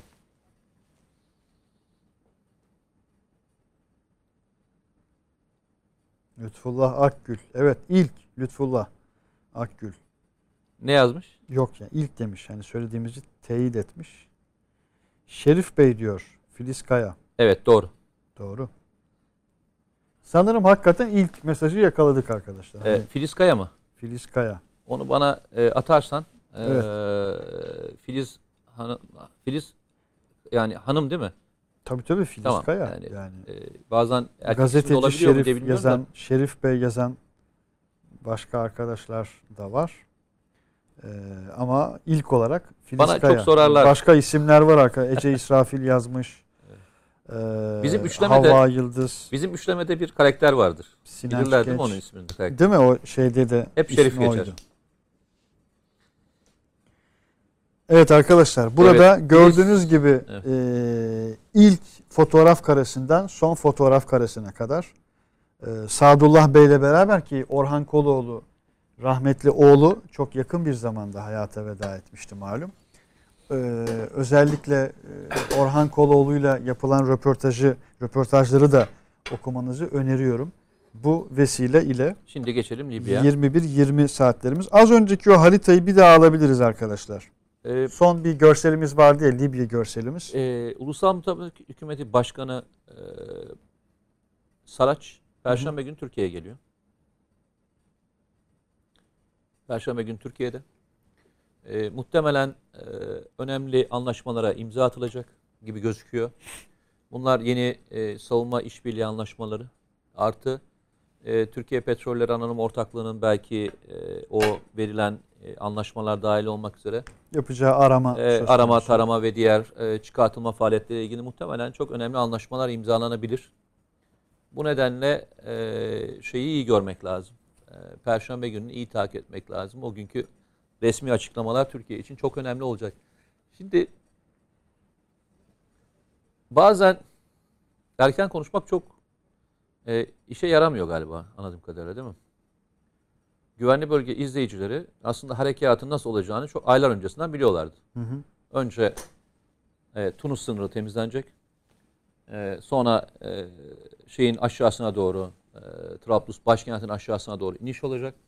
Daha sonra da sınırı komple temizlenerek Sirte'den aşağı doğru bir çizgi çizersek aşağı doğru bir hattın temizlenmesiyle ilgili bir operasyon yapılacak demiştik. Ama bu e, olmadan önce e, bölgede bir hava e, üstünlüğünün sağlanması gerekiyor diye de e, anlatmıştık. İşte hava savunma sistemleri e, ve diğer e, SİHA'larla bugüne kadar e, bu sürdürülebildi. Ama bundan sonra açıkçası bunlar yetmez. Yani e, e, şeye baktığınızda, şu haritaya baktığınızda e, alan büyüdükçe, alan açıldıkça e, şu andaki eldeki e, SİHA miktarı bunu karşılamaz. Ki zaten zaman geçtikçe Opus'tu değil mi o? Opus projesi. 8 ülkenin dahil olduğu, kağıt üzerinde yani 8 ülkenin dahil olduğu biz Birleşik Arap Emirlikleri diyoruz ama 8 ülkenin dahil olduğu bir harekat hattı var yani. Bir Fiyasko. operasyon. Yani ben üssü domuz e, körfezi harekatına benzetiyorum bu adamların yaptığını veya e, şeydekine bakarak. Burada da yaşanan süreçte artık e, yeni e, malzeme ve ekipmanlara ihtiyaç var. Çünkü saha genişledikçe e, ve karşı tarafın daha fazla sınırsız kaynağı olduğu müddetçe şöyle bir e, sıkıntı yaşanacak. Bir bölgeyi elinizde tutacaksınız. Başka bir yere kanalize olduğunuzda o bölge elinizden çıkabilecek, çıkabilir. Zaten e, birkaç gün önce yaşanan süreçlerde bunu gösterdi bize. Yani işte e, özellikle şu güney bölgesinde mavi olan bölgedeki bazı bölgeler kaybedildi. Tekrar kaybedildi. Sebebi de buydu. Çünkü o arada yukarıdaki gruba or- organize, kanalize olunmuştu. E, o grubun e, elindeki miktar da belli. O zaman şu bir gerçek. E, daha büyük alanlar kontrol edilmek isteniyorsa, daha büyük alanlar e, elde tutulmak isteniyorsa ve kalıcı olunmak isteniyorsa muhakkak yeniden organize olmak ve belli bir aşamaya götürmek lazım. Bu nedenle aşağı cephede değil, daha çok Trablus'un altındaki o çıkıntının alınabileceği bir bölümde e, yoğunlaşacağını düşünüyoruz. Yani olaylar orada yo- yoğunlaşacak.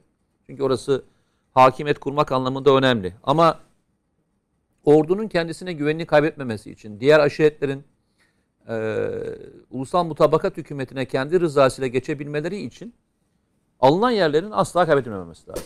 Bu bir ordunun prestijini bozan en önemli şeydir, faktör. Suriye'de de maalesef farklı bölgelerde acı tecrübe olarak yaşandı. Yani daha çok Sonra bir oyun değişikliğine, tarz Tabii. değişikliğine, konsept değişikliğine konsept gidildi. değişikliğine yol açtı ve işte e, İdlib'de bugün 12 tane e, üst bölgesinden yaklaşık 50 küsür tane üst bölgesine doğru gidildi.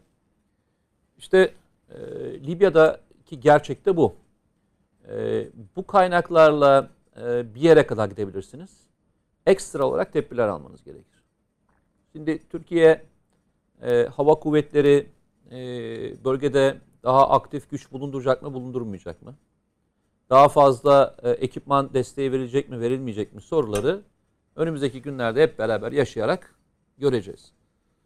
E, ama bugünkü sahaya baktığınızda yeni bir oyuna, yeni bir e, plana ihtiyaç olduğunu hep beraber e, görüyor ve söylüyoruz. Öyle söyleyelim. Çünkü Libya sahası çok geniş bir alan, çok büyük bir alan. Yani Türkiye coğrafyasının kaç kat büyük olduğunu hepimiz biliyoruz. Yani önemli bir kısmı çölden ibaret Fark olmuş etmez. olsa da Hiç önemli değil. Yani, hakimiyet başka bir şey. yani sen o sahayı kontrol etmediğinde çölün başka bir yerinden sana gelecek olan Bambaşka grubu bir şey. görmediğinde anında baskın yiyebilirsin. Çünkü e, ulusal mutabakat hükümetinin elinde yüz binlerce asker yok. Elinde kısıtlı bir miktar var ve o kısıtlı miktarla mucize başarmaya çalışıyor. Sen o kısıtlı miktarı da kaybedersen e, üreteceğin çözümler e, kalıcı olmaz. Farkındaysan e, Hafter ve ona akıl verenler başka bir taktik denemeye başladılar. Sahadan Wagner'i çekerek bölgeye çok daha fazlasıyla e, SİHA ve uçak sokmaya başladılar. Çünkü kara harekatında başaramayacaklarını anladılar. Artık İdlib'deki harekatı deniyorlar ve e, onun mücadelesi yapıyorlar. Şimdi Libya ile Suriye'yi birbirinden ayırt edemeyiz. Birbiriyle oku, doğru okumak lazım ve birbirinin içine geçmiş okumak lazım. Siyasi olarak, diplomatik olarak öyle Her şey olarak. ama e, saha koşulları İki ayrı ülke ama birbirinin içine geçmiş olan iki coğrafya diyebiliriz şu anda Libya ile. Hatta partnerler bile aynı diyebiliriz. Hatta savaşanlar bile aynı diyebiliriz. Hatta sorunlar bile aynı diyebiliriz. Yani Libya fotokopisiyle Suriye fotokopisi birbirinin üstüne koyduğunda birbirine taşma yapmaz. Çizdiğimiz e, çizelge anlamında söylüyorum veya çerçeve anlamında söylüyorum. Bugün e, bu nedenle de Libya'da sıkışıldı, sıkışıldığında İdlib'de İdlib'de sıkışıldığında Libya'da e, bir şey görebiliriz. Farkındaysanız o yüzden İran e, bir grubu şu anda nereye sevk ediyor? Bakın İran diyorum özellikle Suriye demiyorum. İran Hafter'e e, silah ve personel göndermeye başladı. Ve bugünlerde İdlib'e İran destekli milisler büyük bir yığınaklanma yapıyorlar. Ve e, bugünlerde Suriye'de, İdlib'de her an e, bir şu ana kadar oluşturmuş olan M4 ve M5 karayolu üzerine oluşturmuş olan hat delinip yukarı doğru bir harekat başlayabilir. Hep beraber görebiliriz. Aktörler aynı. Evet. Bu nedenle e, Suriye ile Libya'yı beraber okursak e, mantıklı olur. Şöyle söyleyeyim. Her gün Barış Pınar Harekatı bölgesine sızmaya çalışan 6, 8, 10 tane terörist öldürülüyor değil mi? Neredeyse her gün. Her gün. Ya bir şey her gün. söyleyeyim. Farklı farklı bölgelerde. Ya PKK'nın bu kadar çok elemanı yok arkadaşlar. Yani e, hiç kimse bu kadar çok adamı sahaya süremez. Hep diyorum bu motivasyonun kaynağını bulamadığımız müddetçe e, sahada yaşananları okuyamayız. Yani herkes birbirine hesap sorar. Her gün 10 kişi nasıl e, bölgeye sızmaya çalışıyor? Ve aralıksız. Aralıksız sızmaya çalışıyor. Aylardan bu tarafa bir de. Aylardan bu tarafa. Bu sorunun cevabı Libya sahasında da var. Irak sahasında da var. Suriye sahasında da var. Aylar önce hatırlarsan dedik ya burada ya bu işte bir tuhaflık var. Yani Esad'ın böyle bir şeye kalkışması mümkün değil demiştik. Sonra Yeni Şafak'ın bir haberinde e, çıktı gerçek. Ne çıktı? E, Birleşik Arap Emirlikleri'nin 3 milyar dolarlık barışı bozması için e, Esad'a para verdiğini siz sizin gazeteniz Evet. yani Yeni Şafak yazdı. Çünkü diyorduk ki yani burada bir motivasyonda bir sıkıntı var ya bunu bunu doğru okumak lazım diyorduk ve buluyorsun. Aynı şekilde PKK'yı bu kadar bölgeye sızmakla ilgili motive eden güç de bugünlerde Türkiye'de terör saldırılarının artması da Güneydoğu Anadolu bölge terör saldırılarının artması da bundan kaynaklanıyor. Özellikle Ermenistan sınırından Türkiye'ye sızma girişimleri çok çoğalmış durumda. Bugünlerde bölgeye girenler, özellikle Türkiye sahasına girenlerin büyük bir çoğunluğu Irak sahasından ve Suriye sahasından girmiyorlar. Ermenistan sahasından giriyorlar. Veya İran sınırından giriyorlar. Dikkat edin, çatışmaların yaşandığı ana kuşak neresi oldu? Biz eskiden çatışmaların yaşandığı yer olarak neresini görürdük seninle? Hakkari, Şırnak, değil mi? Diyarbakır kırsalı falan görürdük. Şimdi nereye görüyoruz? Tunceli. Nereye görüyoruz? Kars, Iğdır, Bitlis, Muş. Bu bloğu görüyoruz. Yani geçmişte İran ve Ermenistan sınırından geçenlerin geldiği güzergah olarak görüyoruz. Bak ne kadar partner var farkında mısın? Ermenistan çok uzun zaman sonra Bölgeler, şehirler, coğrafya değişiyor. Partnerler aynı. aynı. Ee, Garantör devletleriyle birlikte hem de yani. Ermenistan e, Karabağ bölgesinde e, PKK'ya kamplar verildiğiyle, kamplar verdiğiyle ilgili çok önemli istihbaratlar dolaşıyor şu an. Orada eğitildikleri. Yani Kuzey Irak'ta devamlı e, eğitim yapamayan, toparlanamayan grupların e, Ermenistan üzerinden Türkiye'ye bir kuşak ile geçtiği ve eğitildiği konusunda çok önemli istihbaratlar. Ki PKK'nın tarihine yani 83 öncesine bile 84-83 öncesine bile bakılırsa hangi bölgelerde eğitim kamplarının olduğu, hangi ba- başka ülkelere gitmek zorunda kaldıkları, götürüldükleri ne bir de bunun üzerinden bakalım. Ee, Fikret Bila kulakları çınlasın. İdeolojik kodlarıyla PKK diye bir kitabı vardır. Ee, Bu kitabı yazdığı zamanlardaki Fikret Bila ile bugün bulunduğu e, çerçeve ve PKK'nın sözcüleriyle neredeyse bir şekilde aynı hatta bulunduğu Fikret Bila arasında o kitapla bugün arasında enteresan fark da var ayrı bir şey ama o kampların serüvenini de e, okuyabilirsiniz. Mete Vallahi hepsinin bir kodu son var. verdiği Hepsinin bir kodu var. son verdiği Ee, bilgiyle Ceyhun beraber. geçen gün çok güzel bir yazı yazdı. Ben onu paylaştım. Ee, bu e, mavi vatanla ilgili e, dışişlerinde ve e, şeylerde çok rahatsız olan diplomatlar ve askeri bürok- bürokratlar var diye bir konuşma yapıldı biliyorsun televizyon programında. Daha sonra Ceyhun bununla ilgili bir yazı yazdı. O yazı yazıyan yazı yani onu söyleyen kişinin gazetecinin yıllar önce nasıl bir konuşma yaptığını e, ve pozisyonu anlatan çok önemli bir yazıdır. Biz bazen e, arşiv taramayı unutuyoruz. Ben Ceyhun'a hep sana anlatırken de söylerim. Ceyhun'a çok değer vermem sebeplenen bir tanesi çok iyi bir arşivcidir Hı hı. ve çok iyi tarama yapar. Bizim e, çok iyi arşivci olmamıza ve insanların geçmişte ne söyledikleri, bugün ne söyledikleri arasındaki farkı araştırmaya ve çok akıllı olmaya ihtiyacımız var. Söylenen hiçbir şey bugün için rastlantı değil. Birisi bir şey söylüyorsa geçmişteki kodlarından gelen bir bağlantı olması gerekiyor. Durup dururken böyle bir çıkış olmaz. Olmaz. Yani dışişlerinde rahatsızlar sorusunun cevabı muhakkak geçmişte bir yerde var. Kar- Karıştırırsınız ve kurcalarsınız. Sadece bulursunuz. o cevabı bulmak gerekiyor bir yerde. Dururken de iyi bulmak saklı. lazım. Yani e, o o cevabı verdiğinde de bir müddet kimsenin konuşmaması lazım. Eyvallah. Ceyhun çok güzel bir yazı yazmıştı. Okusunlar bulurlar. Evet Ceyhun'a da Ceyhun Bozkurt'a da selam bu vesileyle. Ee, programın girişinde e, ismini andığım Ahmet Melik e, kardeşimiz mention atmış. Yeni gördüm. Ahmet Melik e, severek ve büyük bir ilgiyle izlediğim programınızda benden bahsetmeniz beni onurlandırdı ve şevklendirdi. Çok teşekkür Neyle ediyorum ilgili? demiş. TGRT Haber'in Ha, evet evet evet. muhabiri Ha. ki e, Ahmet Melik sanırım o zaman yine zikretmiştim. E, Barbaros değil Yavuz Yavuz'daydı herhalde. Yavuz gemisinden de ilk görüntüyü geçen gazetecidir. E, takip edebildiğim kadarıyla. O gün yine yayında tebrik etmiştim. Emeğine sağlık kardeşim. Ahmet Melik'e bu vesileyle.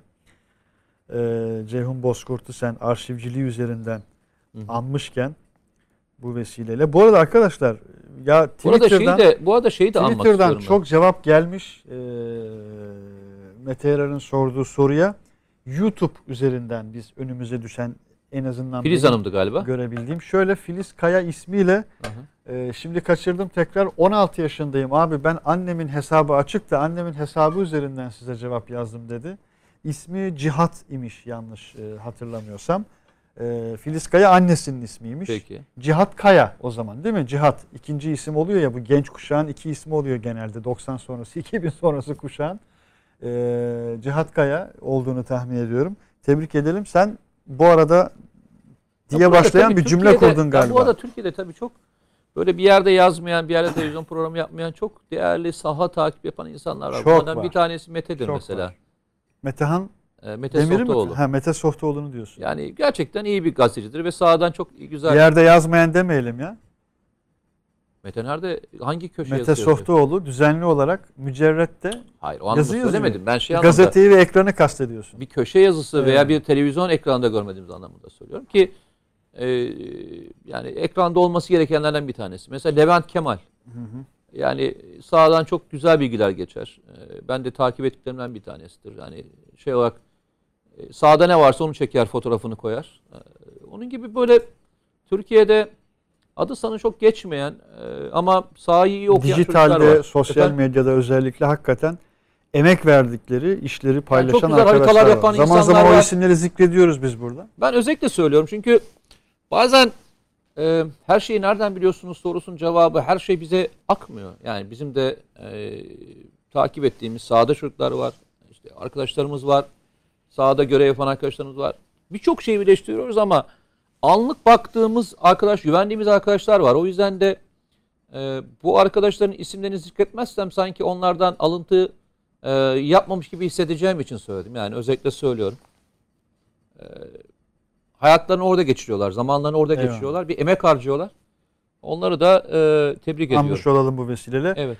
E, Mete Softoğlu dediği için söyleyeyim. Mesela Mete Softoğlu'nun yayınlanmış Birleşik Arap Emirlikleri'nin bugüne kadarki tüm performansını neredeyse performans çünkü birçok yönüyle e, o projenin serüvenini özetleyen bir yazısı vardır. Onu öne- önereyim mesela bu Mücerrette mi? Evet. Eyvallah. E, efendim. Mete Yarar süremizi aşmışız ya. O zaman e, vedalaşalım. Cez- ceza yazacaklar bize. Süremizi aşmışız. Evet. Yayın bitmiş. Ben de kulaklığı çıkarmışım. Yani hiç farkında değilim belki de. Şeyden kaynaklanıyor. Hep başına buyruk yaptın ya bugüne kadar programları. Olabilir. Patron sendin. Ee, eyvah. Ardan Zentürk'ün ismi geçmiş ama hangi vesileyle bilmiyorum. Ardan geçmiş? Zentürk. Ha takip edelim anlamında. Aha tabii tabii. Yani Ardan abi öyle söyleyeyim. önemli bir gazete. Abimizdir. Yani hiç hiç yaşlanmayan bir gazetecidir yani. Hayır bir de Ardan şeyini Zentürk. sever. Şeyini şeyi çok severim. Yani tarzını şöyle seviyorum. Anormal bir e, vatanseverdir. Yani e, Tanımlama da güzelmiş ha bana bak. Anormal bir vatansever. O da iyiymiş bak yani. normal vatansever e, bugünlerde e, işimize yaramıyor. Eyvallah. Daha böyle gözü karalarına ihtiyacımız var. Ee, yani yaşı e, 65 yaşına takıldı biliyorsun e, Ardan Evet. abi. Ama evinden düzenli olarak yayın YouTube çekiyor, yani. bilgilendiriyor, e, e, lafını esirgemiyor, her türlü konuşmaya giriyor, e, fikrini beyan etmekten çekinmiyor. O anlamda da takip edilmesi, YouTube kanalına da takip edilmesini önerdiğim kişilerden bir tanesidir Ardan abi. Gerçekten doğru bir, hani unutmuşuz özür dileriz. E, Hatırlatan kimse teşekkür ederim arkadaşım. Bir de ben e, Ramazan'ın son günleriydi herhalde. Yeni medya içerik üreticiliği alanında mutlaka takip edilmesi gerekli olduğunu düşündüğüm bir 8-9 arkadaşımızın sosyal medya hesaplarını paylaşmıştım. Hakikaten e, iyi gazetecilerdir. Bu vesileyle bu bu çok önemli. E, isimleri zikretmek. Ya biz gençlere, Şimdi gençlerin tekrar bizden hatırlayamayacağım. yaşlı hepsini küçüklerinden, söylemeyeyim. bizden yaşlı büyüklerin de yapılan her şeyi söylemek zorundayız. Bu bir borç. Bir borç. Yani başka bir şey değil. Bir de Hiç minik kıskançlığımız yok. Aynen öyle bir de minik bir şey. Ben e, umarım farklı anlaşılmaz. Şey olur ya mesela e, ne olur yanlış anlamayın. Direkt başka üreticiler için söylüyorum bunu ki farklı anlaşılmasın. Bir şey yapmışsın mesela bir, bir belgesel, bir YouTube e, programı çekmişsin. Birçok bilgiyi derlemişsin, araştırmışsın, paylaşmışsın. Beni izlediğiniz için, bana abone olduğunuz için, beni desteklediğiniz çok çok çok çok çok teşekkür ediyoruz mesela. Hani diyoruz. Ya bu biraz şahsım için ve burası için söylemiyorum. Nezaketen söylenmiş bir şey. Tamam mı? Normalde ben çünkü öyle yapıyorum. Bu tür içerik üreten herkesi büyük bir takdirle ve tebrikle izliyorum. Ben ona teşekkür ediyorum ya. Vakit ayırmış, emek ayırmış, ciddi bir bilgi var ortada ve bana sunuyor. Ücretsiz sunuyor ve her gün sunuyor bunu. Ee, o sebeple teşekkür etmesi gereken okur olarak, izleyici olarak ben kendimi hissediyorum. Ee, böyle nezaket sınırlarını aşmadan nazik bir şekilde o ince çizgiyi de belirtmek istedim. Ee, gereksiz yere değil elbette. Yine vardır senin laf gönderdiğin Est- birisi. estağfurullah. Yok yok birisi vardır yok senin. ya. Yok Herkes. kesin. Yok kesin vardır. Hepimiz. Vardır vardır. Sen birisine e, bir gönderme yaptın ama ben mevzudan kopmuşum o yüzden e, kim olduğunu anlayamadım. Kusura bakma. Ee, evet Ardan abi seyrediyoruz diyen birçok arkadaşımız var. Mete Sohtoğlu'na da e, başka arkadaşlar da zikretmişler. Bir vesileyle bir daha selam ediyoruz. Ve vedalaşıyor. Ee, vedalaşıyoruz. Valla arkadaşlar yayın arasında yani hakikaten yine böyle çok orijinal diyebileceğim mesajlar vardı. Bir kısmını hani akışı e, bozmaması için paylaşamadım maalesef. Ee, eksik olmayın. Sağ olun, var olun. Allah yar ve yardımcınız olsun e, diyen Oflu İbo Nikli e, Berlin'den selam gönderen arkadaşımıza da selam ederek bütün izleyicilerimize müsaade notunu düşmüş olalım. Evet. Cümleyi düşürmeden toparladım bakın. Vallahi birçok farklı hesap e, var burada. E, Hesap önerisi var daha doğrusu. Erem Şentürk'ü takip edelim. Edin tabii ki. Etme, Ya ben edilmez o olur konuda mu? şey değilim yani aynı şeyi söyleyemiyorum. Değil mi? Kardeşim benim ya. Yok yok hastasıyım kendisinin. Aha. Hastasıyım. Muammer Yazıcı, Mete abi İsmail abiye uyguladığın mesafeyi, sosyal mesafeyi destekliyoruz demiş. Var ya Muammer. Yatacak yerin yok ha. Çok iyi yürümüş. Çok iyi yürümüş. Kardeşim benim. Çok iyi yürümüş. Bakıyorum başka şimdi öneriler var. Ee, eyvallah arkadaşlar. Yine bitiyor Emel Hanım. Evet yine bitiyor. Ee, başlayıp da bitmeyen ne var? Değil mi? Yunus Emre dizisini TRT'nin ilk sezonunu özellikle izlemediyseniz mutlaka izleyin. Bir ders olarak her bölümü, her diyaloğu Payidar Ben e, yıllar öncesini Payidar Tüfekçioğlu'nu da Ben yıllar bir kez daha rahmetle anıyorum. hatırlıyor musun? Bizim dönemimizde, gençliğimizde daha çocukluğumuzda bir Yunus Emre şeyi vardı. Diz, şey dizisi vardı hatırlıyor musun? Ama şimdi yani öyle bir şeyden söz ediyorsun ki benim çocukluğum, gençliğim diyorsun. Yani senin çocukluğun, gençliğine gidecek olursak Vietnam'a mı gidelim? Taş Birinci Dünya. Savaşı'na mı gidelim? İki- devri İkinci. Dünya Savaşı'na mı? Şimdi Hazreti Adem'le Hazreti Havva annemiz efendime söyleyeyim. Ee, Ben o zamankini seyretmiştim. Evet. Hala orada her söylenen kelimenin e, içindeki manayı hiç unutmam biliyor musun? Her söylenen Eyvallah. şey yani. Çok güzel bir deyim vardır hatırlıyor musun orada? Ben bazen kullanırım. E, arkadaşlar için de kullanırım. Hani e, niye bu kadar diyor ormanda e, kalıyorsun diyor. O zaman mutfakta görevli. Mutfağa odun taşımakla görevlendiriyorlar çok uzun bir süre. Ve e, bakıyorlar bir tane eğri odun yok. Hepsi düz odunlar. Tamam mı? Bu diyor şeye dergaha eğri odun girmesine bile müsaade etmem ben diyor. Biliyorsun Yunus Emre. Keşke hepimiz e, bulunduğumuz ülkeye, bulunduğumuz aileye, bulunduğumuz kurumlara e, eğri odun girmemesi için e, Yunus Emre gibi bu kadar şey yapabilsek. Çaba Eyvallah. sarf edebiliriz. Kendimiz olarak. Evet. Başta kendimiz olmak Evet, tabii, üzere. Efendimiz Bu bana mı göndermeydi? Yok canım sana gönderme sürekli yapıyorum ama bu kadar da düz gönderme olmaz yani onu. Başka bir şey olur yani. Eğrim eğrim olur. Mesafeyi falan unutup kavga etmemiz lazım sonra yani. Eyvallah. Ee, ete kemiğe büründüm. Yunus diye göründüm. Yunus Hazretlerini de Tapduk Emre'yi de bu vesileyle hakikaten o e, az önce söylediğim mesajda çok çok kıymetliydi. Çok şey konuşuyoruz ama evvela tam da buradan kendimizden başlamalıyız. Sağ olun, var olun arkadaşlar katkılarınız için. Güvenli bölgede 3 aylık e, yaklaşık bir ara sonrasında ilk defa stüdyoda sizlerle buluşmuş olduk. Sosyal mesafeyi unutarak biz de normalleştik. Yok unutarak değil ya onu muhafaza ederek. Yok. Muhafaza yani ederek arkadaşlar yani. stüdyoya geldiler. Onlar da içeride çalışıyorlar. Evet, bir sürü yani kişi o- çalışıyor. Mesafeye muhafaza ediyoruz. Neyse söz sözü açıyor başka şeyler Evet, devreye evet, girecek evet. çünkü. Bununla iktifa edelim. Mehmet Kılıç diye bir hocamız vardı. Ee, ders biterken yetişir yetişir yetişir tamam yetişir derdi. Onu ben de anmış olayım. Hayatta Allah uzun ömür versin. Yetişir. Bu, bu kadar yetişir. Bir de bizi teneffüse çıkartmayan hocalar vardı. Değil mi? Hep tam son Çok şeyde bir enteresan bunu da hocalar. çözelim deyip teneffüsü kaçırtıran Ben hocalar de şimdi var. kendimi öyle hissedeceğim. Sustum. 3 nokta. Ee, Allah'a emanet olun. Ve tekrar görüşmek üzere. Aynı şekilde. Selam ediyoruz. Hoşçakalın. Eyvallah.